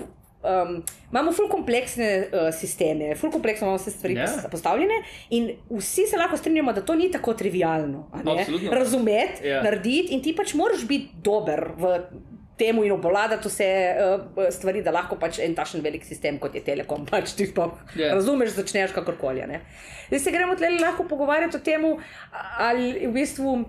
Potem pa pač nekako ustvarjamo malo te, da, da imamo potem te ljudi, ki se ful, us- ful usmerijo potem v ta nek tool ali pa v ta nek točno določen specifično zadevo. In dokler imamo pač te ljudi, ki so tako, bomo imeli ljudi, ki bodo vzdrževali legacy kodo, bomo imeli ljudi, ki bodo pač delali na tem, zaradi tega, ker so se v to usmerili, ker so v bistvu mogoče uh, našli tukaj neko nišo zase. In tako kot pač imaš ljudi, ki živijo od kobola, ne. Ja. pač, pač imaš imel ljudi, ki bodo živeli od, od legacy sistemov. ne. In jim bo to tudi, do, vsaj do te mere, v, v užitek, oziroma imaš, vidi pa to, sigurno veste, dosti boljše kot jaz v teh podjetjih, ljudi, ki so pač tam 10-15 let in bojo tam zavedno in bojo tam počakali penzijo, basically. a ne. In Ja, um, so senior developerji v kontekstu svoje kode, ker seniority v tem kontekstu pomeni, ti si tam že dovolj časa, da pač Razumeš. Ampak- to razumeš. Ampak a to, so, ampak to so tudi pač te, te ljudje s tem, to inventarno številko, so Tako. zelo pasivni. To niso proaktivni so res. Pa, Mislim, Samo veš, v, v, v, v velikih ekipah, velikih organizacijah, v, v nekih projektih, ki niso ravno start-upi, leto, dve, Ja. pač ti rabiš oboje. Ti rabiš ljudi, ki se spoznajo obstoječi sistem, ki znajo obstoječi sistem upgradati, vzdrževati, pa to. Plus tega, da mogoče rabiš neko vejo, ki pa dela ne vem, bolj cutting edge stvari. a ne. Tako Da, Ja. po mojem, rabiš oboje, ne, ne moreš imeti samo. Meni menedžerji ful sovražijo, ko sem jaz tako, ja, pač developerji bi mogli zamenjati službo na eno, dve leti, ampak pač to res velja za Ja. mite, devel- mislim, za, za juniorje pa mide. Mm. Uh, Vse potem pač, uh, je benefit v tem, sploh če je to kakšno produktno podjetje. Mm. Gremo se to razumeti, da je vseeno razlika med agencijo in, in produktom tukaj. Ja. Uh, štiri leta produktnega podjetja pomeni, da ti živiš svojo kodo, da jo vzdržuješ. Je malo drugačen način Vidiš, kot pa. vidiš cikl, pa vidiš eh, Tako. v bistvu, eh, ceno svojih napak, arhitekturnih in, Ja. in, in drugih. In, in, ja, Tako. Ja. In je to izkušnja, že zaradi tega mislim, da je prav, da pač seveda v nekem trenutku ostaneš malo več časa v nekem sistemu. Ne? Po drugi strani pa um, um, to je pri nas v našem trgu tudi še ta. Um, Ta ful večji razkorak kot mogoče pri drugih, uh, v drugih državah med poklici. Uh, IT službe um, in, in celoten IT sektor, pogoji dela je, uh, napram ostalim. In še vedno za vse ostale, vse ostale profile je um, dosti krat motivacija. Pogodba za nedoločen čas, ostaneš tam do smrti. In uh, ta, ta način uh, se, pri, se je prenesel pač tudi na veliko developerjev, ker je pač dovolj to, da imajo oni stabilno službo, uh, nadpovprečno plačo, nadpovprečna plača napram drugim ljudem in v njihovem krogu, ki niso v IT-ju, in to imajo vsi um, nadpovprečno plačo, a ne pač tudi, če imaš 2800 bruto, je to nadpovprečna plača za ljudi, ki delajo okrog tebe? Ja. in je pač to tebi dovolj. ne. In uh, tle, ko smo, uh, ko smo čisto na začetku prišli, smo se malo pogovarjali, da sem jaz pač zabala in da smo mi bolj načil. In to je točno to. Jaz sem imela tam ful velike težave z developerji, ker v resnici so ful z veseljem hodili od 8 do 4 v službo, delili pač tisti uh, relativno pač no-brainer stuff, uh, službe niso nesli domov in pač popodne so se šli kopati in na nivo in je pač to to in je pač to tvoj life in je to, kot da bi pač delal ne vem, nekaj drugega. Ne? Potem po drugi strani imaš pa ljudi, ki dosti bolj motivira to, da pač se učijo, se obskilejo, da, da, da je njihovo delo raznoliko, da ni pač to sam bug fixing. Pa, Te lahko v tem kontekstu malo, malo, malo, malo Ja. mogoče drugo stran zapejem. Um, opaziš razliko med generacijami. Ne? Ja, ful. Mislim, TikTok generacija, kako jih. Okay, Hočeš, da pravim milenijec, Ja. boomer, zoomer, te Ja. terme. Lej, eh, pač ja. Ja. Kako te, te generacije imajo drugačne triggerje, drugačne vrednote, drugačne cilje, drugačne ambicije. Uh, TikTok generacija mogoče šele zdaj vstopa na trg dela. Um, ne vejo mogoče, kaj je Linux server ali pa da, da je treba Linux bo, ne vem, nekoč kompilati. Ja. Ja. Se pravi, ta generacija versus nekdo, ki je že ne vem, zdaj 20 let dela nek uh, bančni sistem. ne. Ampak kako sploh discoveraš, pa ričaš te ljudi, pa, mislim, opažiš tudi tu notri razlike pri pris- pristopih. Pri... Mislim, ja, sicer uh, iskreno nekih full uh, junior, mislim pač res, ker to bi bili potem juniorji, a ne? Ja, ja. nisem prav um, iskala uh, namensko, ne, zaradi Ja. tega, ker kot agencija to pač ti noben ne plača za juniorje. Ja, ja. Uh, kot uh, tlele v tej konkretni službi pač tudi nimamo zaenkrat kapacitet, da bi se prav na to usmerili. Ja. Čeprav imamo tle toliko prijavnic, da vem, da bi če, če bi napisala junior developer, bi pač ga našla sam iz prijav že dovolj. Ja. Yeah. Ampak um, kje je ful velika razlika? Ful velika razlika je v tem, da so um, mlajše generacije ful bolj opo- opolnomočene z informacijami, točno vejo, kje, kaj, kako, zakaj, mm. -hmm. dejansko pišejo boljše CV-je, dejansko mm -hmm. so bolj, Ah. se znajo boljše prodati, um, in, ker grejo in v bistvu um, se res sami ful časa preživijo za raziskave in točno vejo, kaj, mo, kaj si, mislim, do, do česa morajo priti, da dobijo pol neko službo. Torej so nam ful večja konkurenca. Um, v bistvu, Pa nimajo družin, pa nimajo Ja. avto, hiš, Ja. kreditov. Ja. po drugi strani bojo zahtevali mogoče 20-30 ur manj, kot boš recimo ti. Mhm. In si tako. Um, Čakaj, tle Ja. po eni strani imam nekoga, ki je ne vem, dejansko naredil TikTok. In mi reče, da pač bo čisto ok za 100 uri, ti si pa prišel sveže z faksa, pa naredil si en projekt, pa imel si nek svoj game server, ki je imel pač gor, whatever, 5000 ljudi, tako da kudos nek scale si videl Ja. ja. za tvoj nek študentsko leto, si pa na 80. a Ne? Mm. In si tako, ja, model pač. ja, ali pa ne. ne? Ja, ja. In tukaj je ful ta velik razkorak. V bistvu, da se znajo boljše prodati, po drugi strani se ful več cenijo, ampak. Um, V ekipah pa pač v to boste pa itak vidva boljša vedla, pa mislim, mogoče pa kdaj ni kaj za tem. Še, potem, še, ne. še, eno, še eno, mogoče tudi povezano z, s tem je, um, ko govorimo o tak, pač zdaj posebej post-COVID, pa to je v bistvu postal ta trg spet čist postavljen na glavo. Ja. Um, vse firme so zdaj globalne firme, vse firme se, se potegujejo za globalen talent pool Ja. v resnici. Uh, Če gremo, če gremo za slovenski trg, pač uh, lokalne firme uh, konkurirajo z, z, z, z večjimi playerji. Ja. Um, postavke, pač smo, smo, smo tudi neke cene postavili. Um, kaj v bistvu bi tem slovenskim podjetjem svetovala? Ko, ko imajo, recimo, ja, Ja. ja. zdaj ta nasmeh bi mogel. Ampak, zame- ne, ampak- Zamenjati management. Ne, ne, ne, ampak mislim, cena teh, tega znanja, teh storitev je šla tako gor, da Ja. če zdaj hočeš v narekovajih uh, market rate plačati za, za, Ja. za te storitve, se ti poruši cela interna plačna lestvica, pa struktura. Um, tudi se ti, vre, če si malo podjetje, se ti tudi v bistvu na ceno nekih storitev na koncu prenese ta cena. Um, ni resen problem v tem Re, stilu. re, resen Ja. problem, tudi večplasten uh, problem, z- začenši z tem. Za to tehnično pismenostjo, ne, Ja. yeah. ki je full na psu za slovenska IT podjetja, za vse ostalo, kar ne programira. Ja. Pač vsi ostali so izredno slabo, sploh ne razumejo, kaj je software development life cycle, kako se, pač, kaj sploh delajo kot podjetje, tehnično, Ja. yeah. kakšne, ne- kakšne probleme sploh rešujejo. In uh, tako da ta del definitivno pač bi bilo treba tehnično upskillati ogromno naših podjetij, vs- vse ostale profile, ne, ki, ki so notri v, v teh podjetjih. Po drugi strani imamo pa tlele pač ta problem slovenski, da naša dodana vrednost je, da smo cenejši od Nemcev. In to ni naša dodana vrednost. Naša dodana vrednost ne more, Ne more ne sme biti. biti samo mi smo cenejši od Nemcev in to je to. Mi imamo izredno dobre strokovnjake, izredno zanimive ideje, izredno zanimive projekte, um, dosti stvari lahko pripomoremo k globalnemu razvoju, em, globalnemu digitalnemu trgu, um, ampak pač moramo nehati um, se ujeti, ujamemo se v to našo majhnost, meni je dovolj. Mhm. Jaz več kot toliko pač od tu ne grem, imam pač Slovenijo, pa še tri balkanske države in na to se fokusiram. a ne. Um, pač naša TikTok generacija je gesa, ne. Uh, nam je čisto vseeno, ali je software v slovenščini ali software v angleščini. Uh, jaz sem lahko klik tako in v Sninja, nam da ti v, v, pač slovenski produkt za računovodstvo uporabljati, da ti račun izdama. ne. Um, in mi bo pač, Sloven, uh, pač ta nek globalni produkt bil pač cenejši, pa dejansko bo. Uh, boljši, ker bo pač imel več konkurence in Mhm. bo mogel biti boljši, da sploh pride do, do nekega, do nekega unega. In mi smo tukaj fulujetniki tega, da imamo majhen trg, ki ni zanimiv za velike playerje, da imamo uh, prednost, naše podjetja imajo lokalizacije, tega, da pač ljudje bi raje uporabljali software v slovenščini, tega, da pač ljudje hočejo uporabljati 20 let isti software, ker jim je pač effort se novega naučiti.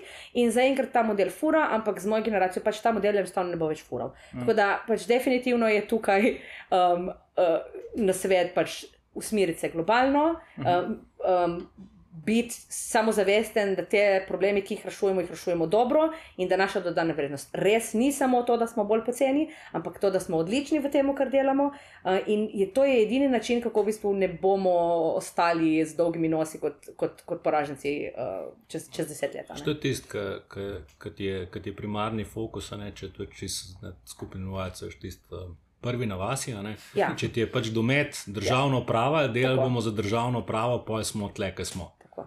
a Ne? ne samo delo bomo za državno pravo, pač imel bom 100 strank, uh, super bo šlo, toliko da pač Ker uh, tako dosti teh naših podjetnikov ni tle le zadaj, je sam nek pohlepa, ne? torej mm. jaz hočem imeti milijone in to je edino, kar je pač pomembno. Ne? So zadovoljni tudi za pač dosti manj, ne? potem imaš pač tiste ljudi, s katerimi se super razumeš, s katerimi hodiš 10-15 let že v službo, tudi developerji. Ja. In je pač to nek mičken kolektivček, ki je fura teh svojih 100 strank in je pač to tone. Kako se lahko neko tako podjetje primerja z Bitstampom, se pač ne more, le, sorry. Mm, yeah. In Se mislim, da se, se v bistvu že, že s tem se ne primerja. Ne, da, da, mislim, Sploh ne Ja, grejo v to primerjavo, ker če to, bi šli v to tako. primerjavo, bi razmišljali, a ne, zakaj nismo mi tam, oziroma kaj lahko mi začnemo početi drugače. Tako. Zdaj, kaj, kaj se zgodi s takimi podjetji, pač odvisna bojo od samo pač drugih playerjev, ki niso A-playerji. Vsej na koncu, če imaš ti. Um, Se pravim, 100 strank zelo nezahtevnih, 10 let, 15 uporabljajo tvoj softver, bojo zelo vesele, da se niti nič ne spremeni. Uh, in to je to. a ne. In ti potem v bistvu si lahko privoščiš, da boš pa pač juniorje malo upeljal, pa da ne A veš. pa lahko iz tega ven tako za tiste, ki rečemo, da smo pač. Če, če, če greš nazaj na, na slovence, se pravi, da so te stranke nezahtevne, da se pravi, da mi kot. A mi že da zaradi sta, eh, Ja, da da pač. imamo nezahtevne stranke. Mislim- res tako občutek. Ma, ne, da so. Ne, jaz, Katero to Da so se, ki da, se, da, se, za- da se hitro zadovoljijo z, z, z polovično rešitvijo, Mislim- oziroma z. Ne, ja. Digitalno nepismeni, le, sorry. Pač ful, Ja. To je ful nesramno, ko jaz grem. Ampak jaz Ampak če imamo zdaj slušalke, a to ni dovolj. okay. Ja, ja, slušalke. Ja. Ja. Uh, jaz sem bila v enem, uh, v, pač na praksi, v eni državni. V enem veleposlaništvu in tam so uporabljali Lotus Notes za depeše. In tisti Lotus Notes je imel notri eh, pač napisano, To da še je. vedno živi. To še vedno živi. Ja. Um, mislim, da pač tisti, tisti konkreten je pač mi tam na skrivju napisalo 95 ali nekaj takega, 98. Ja, ja, ja. ne. In pač tam je bilo, in um, prvi teden, ne prvi dan, kaj narediš ti kot digitalna pismena oseba, greš in vsako daš miško. Na vsako stvar in vidiš, kaj vsak gumbek naredi in kaj ta softver v bistvu sploh dela, ker si pač digitalno pismena oseba in tako se tega lotiš. In po tretji dan pošljem jaz eni um, pač moji uh, nadrejeni, ki je v tej službi 15 let, nekaj preko tega lotosnovca in ona pride v mojo pisarno, vsa zaprepadena. Kako si to naredila? Ma, mislim, 15 let si tam. 15 let uporabljaš ta en softver, in jaz v enem dnevu najdem nekaj, kar ti sploh nisi vedela, da obstaja, in te moram Ni naučiti. šla čez izobraževalni tečaj, ki bi to predstavili. In tudi. In potem je šla čez izobraževalni tečaj za nekaj drugega in še vedno uporablja to, zaradi no, tega, ker je to lažje. No, ker, zdaj se pa ja. pač vrnemo nazaj na tisto, kar sem pač rekel, Ja. da nimaš proaktivnih ljudi, ja. ne, ki imajo toliko ambicije, da bi pač bili pač malo bolj aktivni. A ne, a veš, jaz pač tisto, kar rečem, ki pač naredim hitro selekcijo, pač ki sem pač imel pravka pač videti ne vem, slovenske firme, ali pa za katere sem konsultoval ali podobno. Ne, ne, pač imaš pač tam tip ljudi, ki hodijo gledati na uro od 8 do 4. Ja. In to je Sem- to. E, To, jaz bi rekel, to je ful uh, specifična zadeva tudi za, za IT, ker, ker imamo to um, še od, od samega začetka, ta strah, kot češ, to je nekaj kompliciranega. Za, jaz temu rečem, pač, da prav zablokiramo. ne. Če, če jaz svoji mami razlagam, uh, zakaj pač mora update telefon, ona me bo dala na mute in bo sam pač ti sam naredi. Ne? In v bistvu, kaj je zadaj, zakaj ti nekaj počneš, to ful izklopimo. In jaz mislim, da je to. Uh, bolj res nek softverski problem. Ker recimo nek takšen človek, ko bo prišel nov avto, ne bo rekel, ne, jaz bom pa ostal na pač svoji 20 let stari tehnologiji avta, ker je effort, da se naučim uh, pač avtomatik voziti. Razumeš? Ja. Mislim, to, to je točno to. Tle, tlele pa potem, ker, ker je to kao težko in ker je to kao nek program in zdaj se moram jaz to vse na novo naučiti. Mislim, Tlele je potem v bistvu dobiš to bari bariero. Ne? In jaz sem videla eh, res neke zgodbe, ki se tako vprašaš, jaz, da sem jaz ta in zdaj sem odpoved. Pa ti ne moreš vložiti kot podjetje, eno podjetje je vložilo v 2 milijona evrov, v, ne, mislim, v milijonih se pogovarjamo, v, no, v nek softver, ki so ga delali 10 let in ko so ga končno naredili, ga noben ni uporabljal, zaradi tega, ker čeprav so šli skozi pet izobraževanj, so zaposleni sami uporabljali star sistem in jih niso mogli prisiliti, da uporabljajo nov sistem. In jaz sem rekla, pa, pa vi ste zmešani, jaz to ugasnem in če ne delaš, pač čau, nasvidenje. Mislim, to je tašen no-brainer za me, da, da, da mislim. Mislim, tle, tle, tle Meni, gremo kot mladi spet. generacije, je to ful težko razumeti, kako se to dopusti in kako je to sprejemljivo in kako je to ok. Tle sploh spet, koliko je velikost podjetja, pa ta enterprise level, podobno, ker pač dejansko so taki, bom rekel, na rekovajih, rigidni sistemi, ki kljub temu, dejansko nimaš dobre zamenjave, ne, ne glede na to, da bi tam to je drugo. ne, Pač imaš. SAP, imaš A ne, SAP, ne, pač ja, razumem. Jaz, jaz sem delal recimo za Oto, Oto GmbH je ogromno podjetje, Oto Grupa ne, v, v, v, v pač Hamburgu več kot 10 tisoč zaposlenih. Hvala Bogu, da oni ne morejo svojega sapa vsak dan menjati. Mislim, logično. Pač to, oni, oni so dobili po, mislim, že samo z tega HR vidika, ampak kaj vse tisti sistem mogel v bistvu imeti notri informacije, baze. Jaz razumem, da pač tudi neko tako podjetje ne bo šlo, mislim, zdaj se je vsaj pojavil Salesforce, ki rečeš, da mogoče je alternativa, ampak tudi ni bilo alternativ uh, tem sistemom. In, in, ampak to je čisto drugo. ne, Pač, um, Če vedno to ni izgovor, da ti tega lotosnovca, ki ga 15 let uporabljaš, ne, ne poznaš in en out, mislim. Ti že Samo- 15 let delaš s tem, a ne Mislim, veš. tuk- tuk- tukaj eno zadevo tudi od- odkrivamo. sicer, Um, ta, veš, kultura v firmi, tudi, ki Ja. na nek način tudi eh, ti moraš kulturo v firmi, ki jo vi imate, ko- pa jo kot, eh, kot headhunter predstavljaš, moraš tudi navzven prodajati, moraš tudi Ja. prodati ljudem, moraš tudi, a veš, ta imidž firme je verjetno te kot headhunter, ki ful bolj pomaga, pa je ful povezan Ja, absolutno. Mislim, ja, ja, se ja. tudi s tem ukvarjaš, se pravi, kaj bomo dali v javnost, kaj bomo komunicirali. Ja. Kaj, mislim, a si tudi. Ja, absolutno. kako- kako to- Recimo, zdaj se potekajo? pogovarjamo o tem, da bi mogoče um, ali pripeljali še kakšno drugo tehnologijo v stek, zato da bi bili bolj um, privlačni zaradi tega, ker bi nas ljudje iskali prav zaradi teh nekih unicorn tehnologij, v katerih Ja. hočejo delati, um, do tega, da pač smo se zmenili, da bomo delali, da, da bomo da, Če- pač. Prej sem to, Ja. ja. to, to, to vprašanje. Se pravi, tukaj smo se pogovarjali, eh, rekrutiraš pa to. Tudi izbira tehnologije, ki jo izbirajo podjetja danes. Tudi, a veš, če mi rečemo, uporabljali bomo, ne vem, Deno, Ja. pa bomo to Ja. nek Node, Fork, Ja. whatever. Ja. Um, tudi vpliva na pipeline v resnici. a ne, koga- Absolutno, In, ja. in, in tudi Ja. ja. tu na nek način sodelujete. kaj? Ful, Ali, oziroma, uh, kak, kak, Ampak a ni tle mal ta, ta golfanja v smislu, pač, da imamo te buzzworde noter. a Ne, pa, pa tega ni. a ne. To, to smo zdaj videli, pač ta vsa ja. ja. blockchain tehnologija je bila, mi smo na blockchainu, pač rabimo blockchain eksperta. a ne, In potem si pač človeka pripeljal pač v, v ekipo, in potem je pač ta ekspert je bil tako no, varianta, ok, where's the blockchain. ja. Nismo še tam. Ja, a ne, ja. v bistvu, ne. Mislim, dobro, to, to je past, v- za katero To pač morate potem vi z druge strani Ja, ja, ja. prav spraševati in ugotoviti, ali pač, kaj tam je. Ne? Ampak recimo rast, um, skala, um, um, go, um, um, eliksir, recimo. Mm. Uh, to so pač um, tehnologije, ki privlačijo ljudi. Ja. Um, v toliko, da sploh če ti kot podjetje rečeš, ampak ti ne rabiš še znati goja, ti se boš lahko go tukaj naučil. Mm. To je full, full dober selling point. In ti boš dobil ljudi, ki pač bojo prišli tam zaradi tega, ker hočejo nekaj drugega probati. In recimo, ko smo se malo prej pogovarjali, pač senior developer, a ne senior developer going into expert, da pač po. Šestih letih novda, pač začneš, uh, ne vem, se, se, se srečaš s skalo in ti nekdo da čas, boš to pač z veseljem vzel to priložnost, tudi zato, ker bo pač nekaj novega in challenging Ja. zate. ne.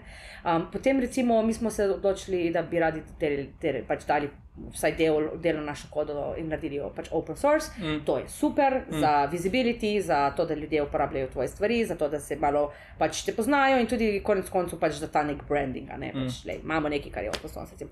Take stvari ful zapalijo in to so. Nič drugega kot employer branding stvari. ne. Pač to dejansko tudi, kdaj delaš samo z namenom, da boš imel boljši. Mislim, Ne, ne. Res smo se ful Ne, veš, ne, veš kaj, zaklepetali. ne, se, se, se namen To- tega. to je- to je poanta. To je, to je poanta vsega. Um, ne vem, kaj jaz. Po moje pač imaš long tail, a veš. Pri velikih stvareh imaš ta long tail. Imaš par procentov, ne vem, full dobrih inženirjev, pa pol imaš, pač imaš Ja. yeah. nek, nek, neka distribucija. Ne. Tako. In um, zdaj, ko se pogovarjamo, imam jaz občutek, da imamo isto, ist, isto vidim zdaj tu pri tebi, pa pri rekrutmentu. ne. Jaz predpostavljam, da ti spadaš v ta top 5% rekruterjev, ko, ko razume, kaj je, kaj je Dejno, pa Nod, pa, pa se lahko o tem sploh pogovarjamo. Ne. Ja, Ampak ta, te, Ja. ta tail je dolg. ja, ja, ja. In uh, Ja. Jaz si želim, da bi rekruterji bili bolj izobraženi, kaj, oziroma da bi pač, če se nekam prijavim, pa potem imam, je slab rekruter. V bistvu me lahko celo izkušnjo z, z, z, z, z podjetjem uniči in, in cel imič da slab, mogoče samo zato, ker pač se nerodno pogovarja ali ker se ne. Mislim, to je to večina, večina tega, kar dobiš na LinkedIn-u, pa zelo hitro ugotoviš, da dejansko niso sploh prebrali, kaj ti počneš. Tisto meni se zdi, da tisto večina so boti, ki pišejo. Pa ne vem, dejansko jaz se pogovarjam z njimi nazaj, ampak pa je pač to uno varianta, ki mi pač reče, hej, to je pozicija za te in mi zadnam, da mi pa rečeš, hej, I don't do that. Ja. In Mislim, eh, eh, tako bom rekla, pač tle je definitivno dober rekruter, bo znal to malo prebrati, še vedno, še vedno, če ni dovolj informacij. Tle tudi sami lahko dosti naredite v, v stilu tega yeah. izobraževanja in, in jasno napisati, tega si želim, tega si ne želim. Prosim, ne mi pošiljati Java jobov yeah. in tako stvari. Čeprav yeah. imaš, recimo, yeah, pet let, deset let izkušenj v Javi. Jaz bom razumela, da če si se potem šel na Node, eh, bom te zelo težko spravila, sploh na nek legacy Java sistem, mogoče, mogoče kakšen kotlin, recimo, ne, da ti mm. s tem prodati, ampak pač to je spet nekaj, kar bom sem, vedela, da je long shot. Sem, a bi to sploh hotla? Kaj? Pač, mislim, a bi, a bi ho, mislim, to pač. Če gremo gledati tako, neki tvoji KP, KPI yeah. so to zdaj, hej, gledaj, še enega smo zaposlili, ampak Ma, mislim, to, zdaj, to, ni, to, ni moja, to, to, ni moja, to ni moja služba. Moja služba je pač najti ljudi, ki so, mislim, zdaj jaz se to ful, ful percepiram bolj tako, pač ljudi, ki so dobri uh, inženirji in tle se pač konča. Zdaj, a, a imaš ti keyworde pravi ali ne, pač tukaj bom jaz samo boljše naredila filter eh, za nas in bojo pač moja ekipa meni hvaležna, da se pogovarjamo z seniori in z ljudmi, ki pač. Ki so dejansko. Se ne zgubijo, ja. zgubijo časa. Zdaj, um, kako jaz pridem do tega, kaj je pač keyword magic, ki ga uporabljam, da pridem do tega. Jaz poznam zelo veliko tehničnih rekruterjev, ki so zelo uspešni in imajo dveh čistih, ne vejo razlike med javnim in javnim, ampak res tako hudo, da, da si mm. tako. Ampak so uspešni, pač uspejo zaposliti ljudi in tako naprej. Evo spet nazaj. Yeah. Kaj se smatra za uspešnost? Uh, mislim, smatra se za uspešnost pač zdaj tako. Veš, kaj zdaj, uh, tis, če yeah. te prekinem, yeah. a, a je to samo tisto, da pač rečeš, evo, enega smo spet spravili naprej, ali enega smo spravili, pa v naslednjih dveh letih ta, zadev, ta človek ne kvitne, pa je happy. Ne, oziroma, uh, zadovoljen, yeah. zadovoljen s tem, kar sem jaz, kar sem jaz yeah. pač najdel yeah. dober fit yeah. in je zdaj pač svojo kariero uspešno fura yeah. naprej. Mislim, to je uh, pač tukaj, ta, te, te kljukice so, uh, so, so preveč različne za vse nas, le ni neke, nekega recepta. Nekateri si ful mislijo, tudi recimo, jaz, ko sem delala v agenciji, meni agencija ni dajala čisto nobenega KPI-ja, toliko pa toliko ljudi ti moraš zaposliti, mm. um, če ne, pač ne boš. In sem bila dejansko plačana nek, nek fiksen yeah. Ja. znesek, plus potem na uspeh. Recimo, in če sem jaz zaposlila dva na mesec, štiri, če se je zaposlilo zaradi mojega posredovanja, tako bom rekla. Uh, dva do štiri, šest, osem, whatever, pač se je to poznalo na plače, ampak to je to. Ne? Um, nekatere agencije, sploh te high volume agencije, oni imajo res tako, imajo tudi te sisteme, da lahko full hitro zaslužiš in grejo ljudje za dve, tri leta ta high volume hiring in oni res imajo kakšne KPI, ne vem, tipo 100 ljudi mi najdi v enem tednu, ne glede na to, kakšni pač te ljudje so. Jaz si tega pač kot interni rekruter trenutno ne morem privoščiti, ne? ker pač. Ja. uh, imamo majhno ekipo, več kot toliko ljudi ne uspejo pogledati. Če bomo pač imeli slab hire, bo, bo to slabo, ampak Jaz nisem hiring manager, tako da jaz nisem tisti, ki se na koncu odloči, tega bomo vzeli ali ne. In zato mm. tudi odgovornost ne more biti na meni, ali smo ga vzeli ali ne, ker se pač jaz tega ne odločim. Ne? Jaz sam pripeljem do neke ja. pozicije.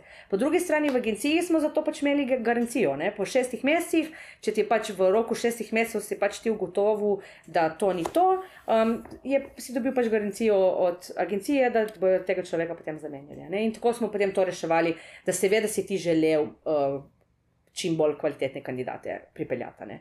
Ampak uh, sploh tle v Sloveniji, pač ta agencijski del, bom rekla, da je bil dosti manj. Um, do, mislim, z agencijami, sodelovanje z agencijami je, po, je ponavadi dosta, dosti večja blokada, dosti manj informacij. Um, jaz sem imela ful velike težave, še vedno z stereotipi. Uh, kaj, kaj misliš, ti tako nimaš pojma, kaj bomo tebi sploh razlagali? Ne, jaz sem polno, ampak ti meni konkretno povej, kaj bo ta človek delal, kaj, yeah. Ja. koga vi rabite.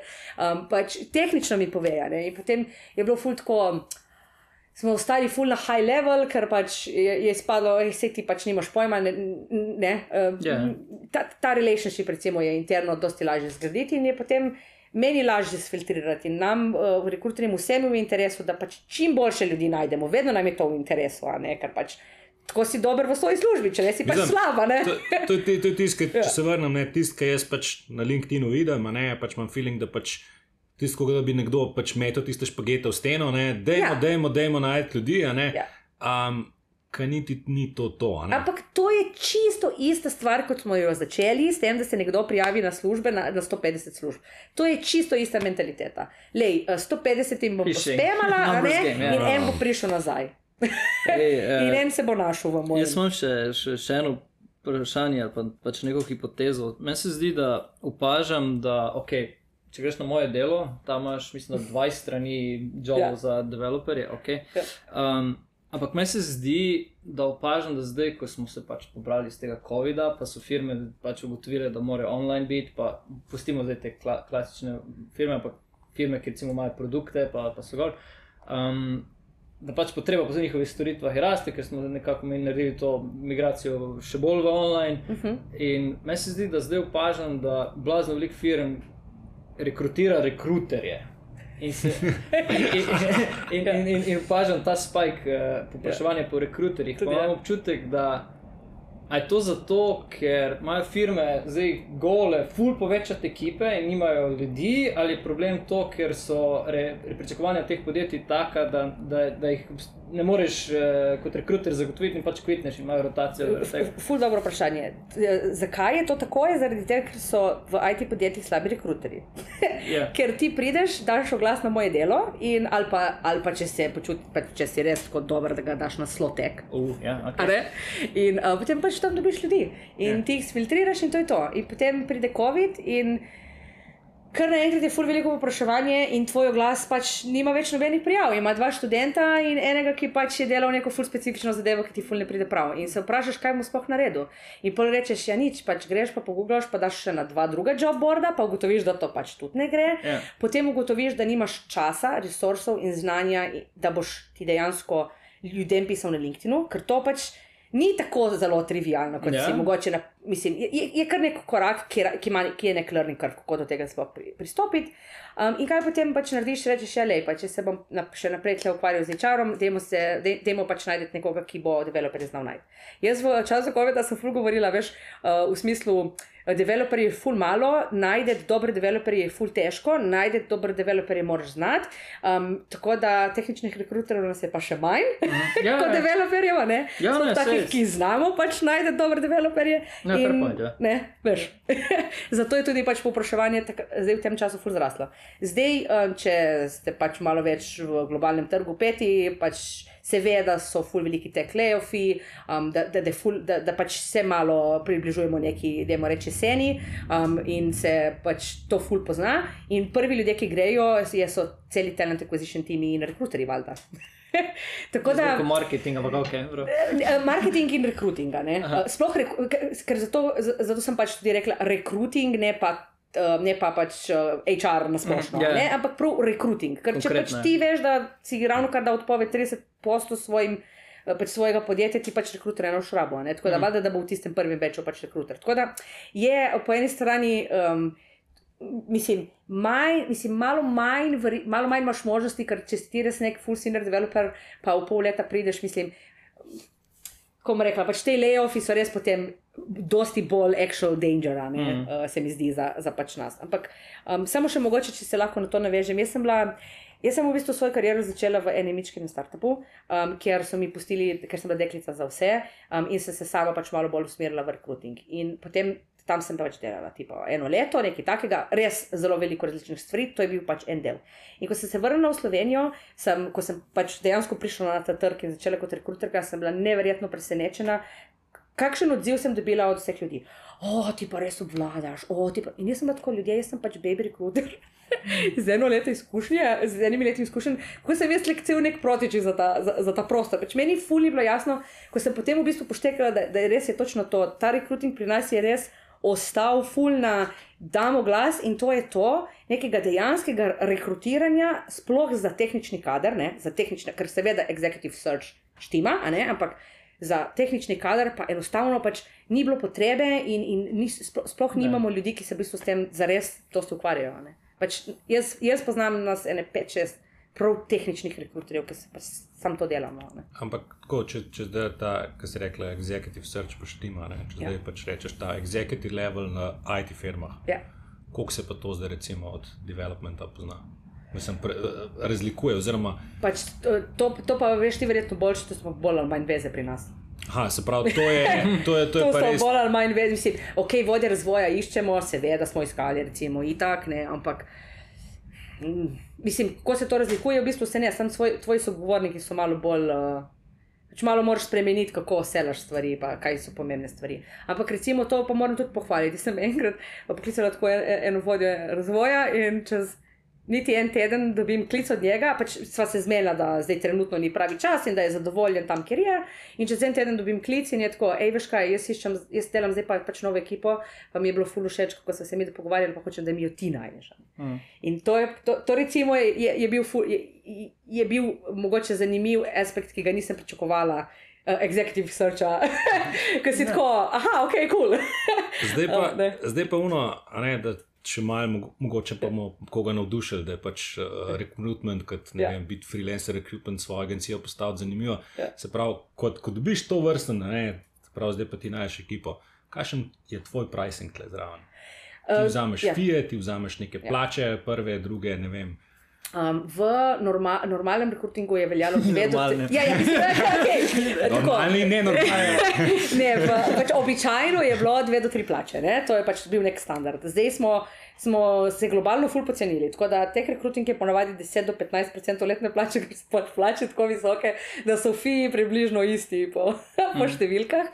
Tako da to je nekje nek standard. Recimo, ja, 15, 15 posto je res tašna standard. 15, potem pa do 30. a Ne? In zdaj potem malo odvisno um, od agencij in od rekruterjev samih. Če si ti specializiran rekruter, tudi znotraj recimo tehničnega rekrutinga, če, če pač rečemo, da si ti strokovnjak samo za develop, DevOps inženirje, recimo, ne, uh, si boš lahko privoščil pač imeti malo višjo ceno, ker boš res potem nišno obvladal. ne.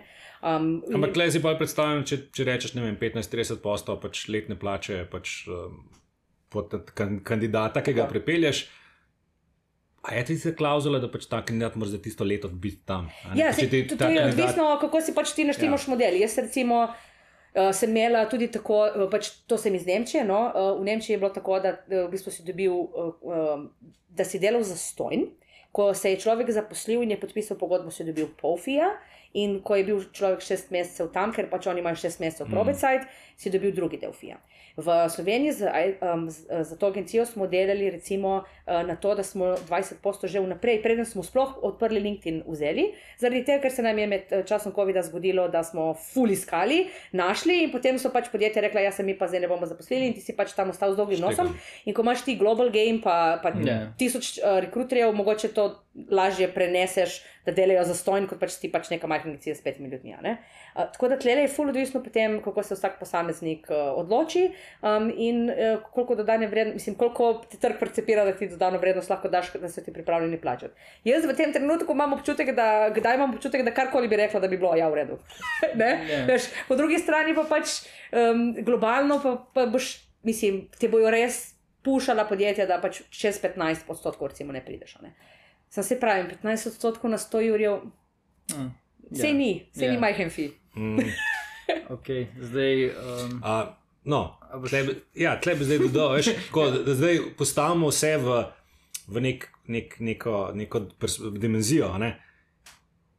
Koliko je povprečen tvoj effort za tega enega kandidata, za katerega ti vzameš teh 15%? Da se tu ljudje predstavljajo, da to ni lih Ja. dva, dva telefonska klica. Ne, to pa- ni dva telefonska klica, sigurno ne. če se nekaterim niti CV-ja ne ljubi napisati. Uh, jaz bom pa rekla tako, pač je, to je ful odvisno od vloge, ful odvisno od sreče, uh, od networka, kdaj zapreš pozicijo res z enim klicom in si tako, jaz, kar pač daš na svoj LinkedIn in se ti glihan javi, a ne, uh, kdaj pa pač greš in preces, recimo uh, za eno podjetje smo delali, ko so bili pač imeli, ni- niso bili centralni, so bili pač v. Niso imeli pisarno v Ljubljani in se je to ful poznalo. Mi smo pregledali 800 kandidatov 800 kandidatov in še vedno nismo prišli. Oziroma, smo prišli do ljudi, ki bi bili zainteresirani, ampak nismo prišli skupaj s plačo. Recimo, mm. In smo tam se, se nikakor nismo uspeli najti, ker bi jim zrušilo celo plačno politiko in ker pač teh ljudi, uh, ker to je bil pač celo za, za Dynamics, ne za, za, za Microsoft Dynamics, ker pač res je ena tako konkretna stvar, ne, mm. ko ne moreš ti pač dati enega čisto juniorja, ki pač moraš že kao ja, nekaj vedeti. Ne? Je. Ampak oni pa tudi vejo, da jih ni ful, pa so si pač si više ceno. Ne? Ampak se lahko vzamejo SP-ovce. Jaz sem, če, če, če ti meni rečeš, da, ne, ne vem, da si ne morejo privoščiti, jaz sem enkrat iskala vodjo razvoja za pač tri ure, pa, bi se, pač pa ni bilo to v Ljubljani. Pač. Mm. Jaz ne bom našla vodjo razvoja z sedmimi, osmimi leti izkušenj za tri ure v tem trgu, ko, mi, ko vsak, ki ima pet minut časa na slovenskih developerjih, objavi job za štiri ure, pa pol. Pač, mm. Ja. Sej ne moremo pričakovati tudi to od ljudi. Um, zdaj, preden zaključimo ta debato, ne? pa si ti umenil na slovenske developerje, ne jaz. Ja. um, a, se, a se splača ljudem objavljati tam gor glase? A se splača ljudem objavljati gor glase? Jaz mislim, da ja, full zaradi brandinga, mm. um, da ja, zaradi uh, neke public baze, -hmm. kdo kaj dela, kdo kaj Aha, uporablja. Okay. Um, in zato, da pač še vedno mislim, da je tam tisti komunity res tako velik, da ostanejo te glasi ljudem. Tako nekje zadaj. Mm. In um, če se bo pač nekdo lotil iskati službe, bo šel pač tudi dejansko tam pogledati, se bo shranil kakšen post, mm. um, da je res to pač mogoče vseeno malo boljše kot, kot ne vem, neke, neko moje delo. Ne, v tem mm. smislu, pa, tam, ali pa slotek, da se tam nekaj shranjeval. Mm. Ne. Mm pa se ti zdi, da policy je, je preveč restriktiven, ki ga imajo, da morajo disclositi uh. plačo. Ali, ali ne, ne. mislim. Ja, ja. Ja, ja. Mislim, jaz bom rekel tako, ja in ne. Jaz, uh, to je full dvorezen meč, ker um, ko ti enkrat postaviš plačo, Uh, to je ful težko za razumeti za kandidate, da ti dejansko kdaj nimaš budžeta. Da ja. zelo veliko podjetij nima uh, unificirane plačne strukture, ker se točno ve, koliko boš dobil, čez pet let boš dobil toliko. Čez, um, ampak da dejansko si tle kdaj lahko zapreš vrata zaradi tega, ker si mogoče pa za kakšnega res pripravljen plačati več, kot mm. napišeš, po drugi strani pa, pa nočeš ustvariti uh, pričakovanj, pa, ne, pa nočem reči, da vsi, mi imamo recimo, ne vem, reči od 70 do 100, whatever, meni ne pridejo vsi, re, pa vsi rečejo, jaz hočem 100. To je ful neka čudna percepcija, da se yeah. Ja. to vedno dogaja. Ni res, to se ne vedno dogaja. Ljudje so realistični in se najdejo znotraj range. Ampak a ima, a ima range dodano vrednost, če ga jaz napišem od 60 do 180? Nima. Pač ne. nima, polk je čisto vseeno, če, če Mislim, napišem competitive pay. Pa. Mislim, če pravi. Veš, v bistvu, jaz vidim to drugače, jaz vidim to. Pač, imaš možnost preko tega postavke biti transparenten, pa v bistvu pokazati vse približno range. Mislim, da se vsi zavedamo, da tisti je range ali pa lahko yeah. Ja. tudi cifra, ampak veš, vse nek, neka pričakovanja se vse tu filtrirajo. Pa, yeah. Ja. Ne pravim, da je idealno, vem, da je ta pravilo, pa ta je kamen spotike, že mnogo krat. Pa, ne, mislim, jaz bom pa... rekla, razlika je v tem, ali jaz nekomu na LinkedIn napišem in mu napišem range, in on meni odgovori takoj nazaj. Jaz sem over this range. Yeah. Ja. In jaz rečem, v redu je, povej mi približno, pač mi, po, mi povejo, mm. jaz sem pač najmanj toliko, pa toliko, jaz, jaz imam itak vedno od stranke, to bo šlo, yeah. ne bo šlo, ali pa pač od svojega podjetja, to bo šlo, ne bo šlo. In rečem, v redu je, lahko še vedno nadaljujemo. Problem imamo pri oglasih, če se tašen človek, ki bo iskal službo, bo videl job description in se za tega mogoče ne bo prijavil na job, ker bo rekel, not worth the effort. Mm. In tle je prav, uh, da seveda ne, pač nekdo, ki zasluži uh, v, na globalnem trgu vem, 120 jurjev, seveda, če imaš ti pač tam reč napisan do 4. Mm. Ve, da je to trikratnik, štirikratnik in da pač ljudje ne bodo tega bili pripravljeni plačati. Uh, ampak se mi, se mi je kdaj zgodilo, da pač je na range 100 nekdo, ki je bil 120, rekel: Ne bom se prijavil, ker mm. pač me ne morejo more plačati. In to je potem tisto, ko pa lahko tudi dejansko izgubimo zaradi tega, ker ne pišemo plačo. Mm. Ampak sem pa drugače ful zagovornik, da smo pač transparentni. In jaz, jaz osebno ful hodim v krog in se ful prepričujem, da IT je super, kar se teh stvari tiče. Mi bi mogli to za vse, ne, ne samo pač v IT sektorju, to bi pač mogel biti mm. standard. Gremo se pogovarjati o teh stvareh. Če sem prav razumel, mislim, da je Evropska unija pripravila neko regulativo, da naj bi vsi oglasi bili bolj transparentni preko teh postavk, tudi to, da sami vidijo, kaj, kaj, kaj se dogaja. Ja, lej, iskreno, um, um, ženske. Mislim, uh, ženske in ljudje, ki niso iskali službe ženske več kot pet let. To si ti rekel. Jaz sem to rekla. Ženske, uh, ženske specifično in tudi ženske in vsi Ja, ostali, ok, a ne, ok. eh, ki niso zamenjali službe več kot pet let. In so, so, so total, se totalno premalo cenijo, nis, sploh niso v stiku z trgom in, in kaj to je. In, in zglede so mi slovenski developerji full všeč, ker jaz vedno rečem, pej si vsak tam pogledati. Da vidiš, koliko je tvoj profil vreden, ker pač greš skozi tisto. In meni, nekdo, pač, meni je enkrat en developer v Kopru rekel: um, Jaz rekel, koliko pa ti zaslužiš, a ne? In pač mi je rekel: Jaz imam, jaz imam full visoko plačo, v bistvu sploh nočem, nočem povedati. To je bil Mm. pač en, ja, relativno senior, ja, developer z 15 let izkušen. In je imel, in pač potem bi tako povedal, no, ja, um, 2 Jurija 800 bruto, ne, tako, model, pa če ste bi jutri najdem službo v Ljubljani za 4,5, pa sploh v Ljubljani se ne rabiš voziti. ne. Mm. Pač, jaz vem, da te lahko misli, da si ti toliko trenutno vreden na trgu. Mm. Uh, in, je, in je pač eh, zato meni to super, ker Ne. res ima potem neko transparen, eh, transparentnost, da dobri developerji v bistvu ne ostajajo zraven in da res samo tisti, ki. eh, Mislim, da ni potem ta, ta, ta igra tega, pač samo tisti, tisti eh, junior, pa potem, ki ga boš zaposlil, mu, mu, boš pa dal 50 ur, ker pač Mm. ti ne bo prišel delati drugače. ne. Dobro. Uh, Sara, Sara Vošine Gašpor. Uh, lahko napisem, da si lovka na glavi, da ne bom napisal, da si headhunter. Rekruter je vedno ful rajši kot headhunter. Head- Head, ja, rekruter mi je dosti bolj. Čeprav tako headhunter izhaja iz tega, da pač nekoga zadnara, ne? rekruter izhaja iz vojske, kar mi tudi ni pač glih všeč, da rekrutiraš vojake. a ne. Moje bomo uporabili nekaj bolj Ampak headhunter. Headhunter. Iskalec talentov, jaz sem ful, nisem za te slovenske. Um, jaz sem nekaj časa ful bila talent enabler, ker pač sem dejansko delala v službi, ker sem dejansko se počutila, da lahko enablam talent. Pa ti Eh, rečem. Jaz bi predvsem eh, na, na to noto zaključil, da eh, pač spremljam, da, da, da si prisotna. Poslušal sem že tudi, da si že pa- parih intervjujev sodelovala. Pa, pa to, eh, in se mi zdi, da dviguješ to rekruting kulturo in, in zavedanje, in, in mislim, da več tega rabimo. Tako da Hvala, da si si danes vzela čas in upam, da smo, da smo malo dvignili to. Hvala za povabilo. ne. Da smo, da smo začeli se pogovarjati. Ej, ej, ti si rekel, da imaš samo 45 minut časa, tako smo že malo preko. Ja. Ali druge. Ja, tako da, Andraš, hvala tudi tebi. In, uh, upam, da vam je tole osebina bila danes zanimiva, pa upam, da uh, dobimo kak feedback, pa upam, da boste delili to s svojimi kolegi in znanci. Uh, to zelo cenimo. Ja. Ja. Hvala lepa. Ja, hvala. Adijo. Čau.